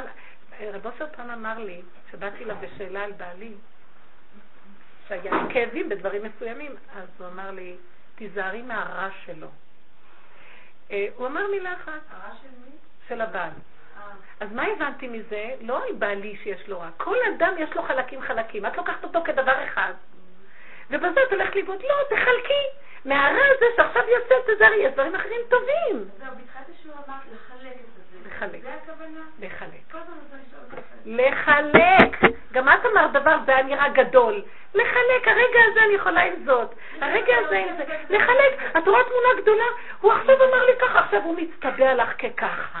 לא נכון, יש לו גם הרבה דברים טובים ומקסימים, אנשים שוברים את הבתים ומצטערים מאוד. יש הרבה רגעים אחרים טובים. הרגע הזה היה כזה. התנועה הזאת, הדיבור הזה, המצב הזה. אז די, תשמרי את עצמך מהדבר הזה. שלום, יש עוד הרבה דברים אחרים. מה את מאמינה? אל תאמן בעצמך עד יום אותך. זאת אומרת, אל תתני אמונה לדבר הזה שאת רואה בעין יותר מתבוננת של אישה, אה, חכמות נשים, שזה לא כדאי לך בכלל. נניח שאשתו של און בן פלט הייתה אומרת לו, מה? גם אתה הולך עם המחלוקת שלהם גירושים. מה היא עשתה? אמרה, כרגע יש לו איזה שיגעון כזה, נכנס לו איזה שד קטן במוח שיגעון. בוא נטפל בזה, לא נתרגש מזה יותר מדי. ואז היא סובבה את הכוחות לכיוון אחר, והיא ידעה שיש לו חולשה נניח לאכול טוב, אז סידרה לו אוכל טוב. הזיזה אותו לכיוון הזה, כי אם הייתה עכשיו יושבת אותו, מה אתה הולך אליהם? מה, אתה לא מבין מה אתה עושה? מה ככה ולא ככה? מה שאז לא ידעו, שאנחנו יודעים היום, גם, אבל היא ראתה בחוש דבר חכם, שהתרגום אונקלוס אומר עליה, החכמה בנשים. חכמות נשים בנתה ביתה, אז תרגום אורטיוס מתרגם את הכתובים, אז הוא אומר, אה, החכמה בנשים זו אשתו של און בן פלט. איזה תואר נתן לה? מה היא עשתה? אחד ועוד אחד שווה שתיים. שאם אה, מוישה רבנו רב, אתה תישאר תלמיד, ואם קורח יהיה רב, אתה תישאר תלמיד, אז מה אכפת לך מכל זה? והלכה להכין לו ארוחה טובה. וסובבה את הכל עם יין, אבל היא הייתה נבונה והתבוננה את כל הדבר, איך להזיז אותו, זה כמו ילד קטן שנתקע באיזה דבר, והוא בוכה לך ומתחיל לברום, אז אומרת לו, תראה את האווירון הזה בסלון, תראה, תראה. ישר הוא קם, מסתכל והולך. אתם לא מבינים שיש אצל לבן נקודות כאלה, אצל כל אדם. והאישה בחוכמתה צריכה פעם לשלוף את האימא שבה, את הילדה שבה, את האישה שבה, את החברה שבה, ואת הכל לנווט, וזה, כשאנחנו לא יושבות עם העומס הנורא הזה של הבלבולים פה, יכולים יותר לראות בקלות. כל העבודה היא להתחיל לסגור את המוח. המוח כולל הרגש שמתלווה לאותו מוח. וזו עבודה מאוד דקה ויפה והיא מתאימה לנשים. אי אפשר לעבוד על העבודה הזאת לגברים. רק אולי בעלי נפש. מה שהיה היה, מה שאנחנו לא יודעים כרגע לפתור את הבעיה של עכשיו. כי זה החלוקה הנכונה, כי העבר וההווה והעתיד זה נראה איזה עולם גדול. רק רגע, רק רגע, הנשימה שהיא קשורה להווה, כי כל רגע היא מתחדשת. והרגע הזה, מה את מתבדלת? רגע אחר יכול להיות אחרת, אז למה את כל כך הולכת לאיבוד? ושימו לב, קל לדבר, אבל באותו רגע שאומר איזה דבר, זה מסעיר אותי לעוד רבע שעה נוספת, אם לא לשעתיים או לא ליומיים. תיזהרי מהרגע הזה לא להתבלבל, תסגרי. לפעמים זה כואב, את שבורה, אין דבר. תעבדי עם עצמך בפנים, אל תגידי לו, אל תדברי, אל תתקשקשי. אז הוא יגיד שעזבת אותי. אני לא עזבתי אותך, עזבתי את אותו חלק מסוכן שלך שהוא ירוש את שנינו. ואז מי יקים אותנו מהבור? במילים אחרות. תעמדי שם. תתחילי לחזור לחכמות נשים הנכונה שיש בתוכך, שהיא תהיה לך למשיב נפש להקים את הבית שלך, כי היום אנחנו פשוט כאילו חורשות על איזה שדה זר, שאין לנו כבר כוח להמשיך, מנואלה שטוחנת מים, ונגמרו הכוחות, והבית נראה סוער, והמצבים לא פשוטים, וחבל על החיים. ולא לאבד אותם. כי החיים עשר נהדרים. הנתונים מקסימום מה שאני צריכה לקבל קיבלתי. אותו בעל שהייתי צריכה, רשום לי מקדמת דנא. הילדים זה בדיוק, אם היה לי בעל כזה, אם היה לי בית כזה, אם היה לי ילדים כאלה, בדיוק מה שאת יש לך. תזרקי רק את האם הזה, שזה הספק הזה שיושב לך כל היום בתוכן ומתרחב עם מחשבות והרגשות והבנות וידיעות וכל מיני דברים שבכלל לא מתאים לנו כנשים. המעשיות הפשוטה עם ההווה. אתם תראו איזה יופי יש שם, ההתחדשות, זה הלבנה, היא מתחדשת, שזה הכוח של האישה, והתמעטות. ראש קטן, את צריכה ללכת בראש הגדול הזה, את תצאי מדעתך. כל דבר שאת רואה טיפת לחץ, סימן שנכנסת לראש גדול. לא מתאים לנו. תחזרי. איך אני אפתור את הבעיות הילדים העניינים? אין שום בעיות, יש את הנשימה הזאת. הרגע הזה הילד רוצה, תחי כמו בהישרדות, ובאמת זה ההישרדות. אני לא יכולה יותר מזה. מה, אני אפתור את הבעיות של כולם? אני באתי לעולם לסדר את הבעיות? מה פתאום באתי לעולם להיות כלי של בורא עולם, שדרכי עובר תפקיד של אימהות, שדרכי עובר תפקיד של אישה, וכן הלאה. ויש להם זמנים, מזמנים שונים. אם עכשיו בא הילד, זה עכשיו האימא. נניח הבעל והילד באו ביחד, ואת חושבת לא יודעת מה לעשות קודם. אז יש, פה זה טוב השכל שגם השם ברא, לדעת להבחין, הבחנה. מה יותר חשוב ממה? הילד צורך, את לא יכולה להתחיל לבעל. נותנת לו מבט קטן, אומרת לו, שנייה. או שאת אומרת לו, אתה יכול לטפל בו? שניכם את צריכה אותם על הראש שלך. לכי תן לי קצת, תשתי קפה. אפשר לנווט כל כך בחוכמה, כל כך הרבה דברים. אתם לא תאמינו, והבעל מעריץ, מה אני אומרת לכם? מה שקודם נתקלת, ועניינים, וויכוחים, וזה, וצרות, ורגשיות, ואז הוא קונה לך פרחים, ואז אחרי זה רבים, ואז הוא אומר, אבל קניתי לך כבר כמה אני... כן. הבן שלי אומרת דברים כמה פעמים. אמא שלי לא אכפת לה שום דבר, אני אומר לך. היא כל הזמן עושה רק מה שטוב, והחוץ מזה לא אכפת לה כלום. כל הזמן אומרת לו, לא אכפת לי, זה לא אכפת לך, אני אומרת לו, לא אכפת לי. לא, או משהו כזה, או אם אני אבוס, או אם משחקים עם זה, מביאים מים מפה, אז אני עושים בלאגן. או שמישהו רב, אז הוא, אני אומרת לו, לא אכפת לי, תסתדר לבד, אני לא... זה כל הזמן לא אכפת לי, לא אכפת לי, זה טוב לך, רק שטוב לך, אמרתי לו, טוב לי. אז הוא אומר לחברים שלו, אז לא בך, לאמא שלי לא אכפת לי כלום. כאילו, בנות, אני רוצה להגיד כאן משהו. אבל את צריכה לדעת, לא... הוא יודע שאכפת, אבל זה מספיק שוב. לא, לא, אני אגיד לך דבר אחד.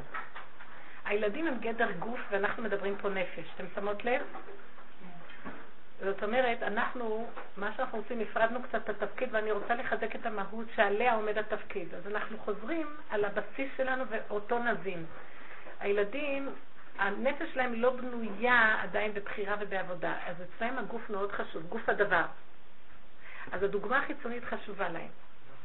עכשיו, אם הוא ישמע כל הזמן, לא אכפת לאמא שלי, הוא לא יתרגם את זה בנפש, הוא יתרגם, אז גם הוא יהיה בהפקרות, צריך להיזהר. הוא יכול להגיד, לא אכפת לי זה, ולא אכפת לי זה, ולא אכפת לי זה. באמת נכון שלא אכפת, עכשיו את לא צריכה לדעתי, לא צריך להגיד לא אכפת, את צריכה להבין שיש לך עכשיו עסק עם ילד שהוא בחינת גוף, עוד לא נבנתה לו הנפש. לחברה תגידי, היא תבין אותך אם היא בעבודה. לא תגידי את זה למישהי ליטאית חשובה שהיא לא בעבודה. לא, כי זה דעת, הדעת לא סובלת את הדיבור הזה. מה זה לא אכפת לך? עכשיו, אם את נכנסת בנקודה הנכונה הפנימית, אז תביני שהילד קולט שאת רגועה. ואת אומרת לו, לא אכפת לי, לגוף, הגוף מתרגם הפקרות. צריכה להיזהר.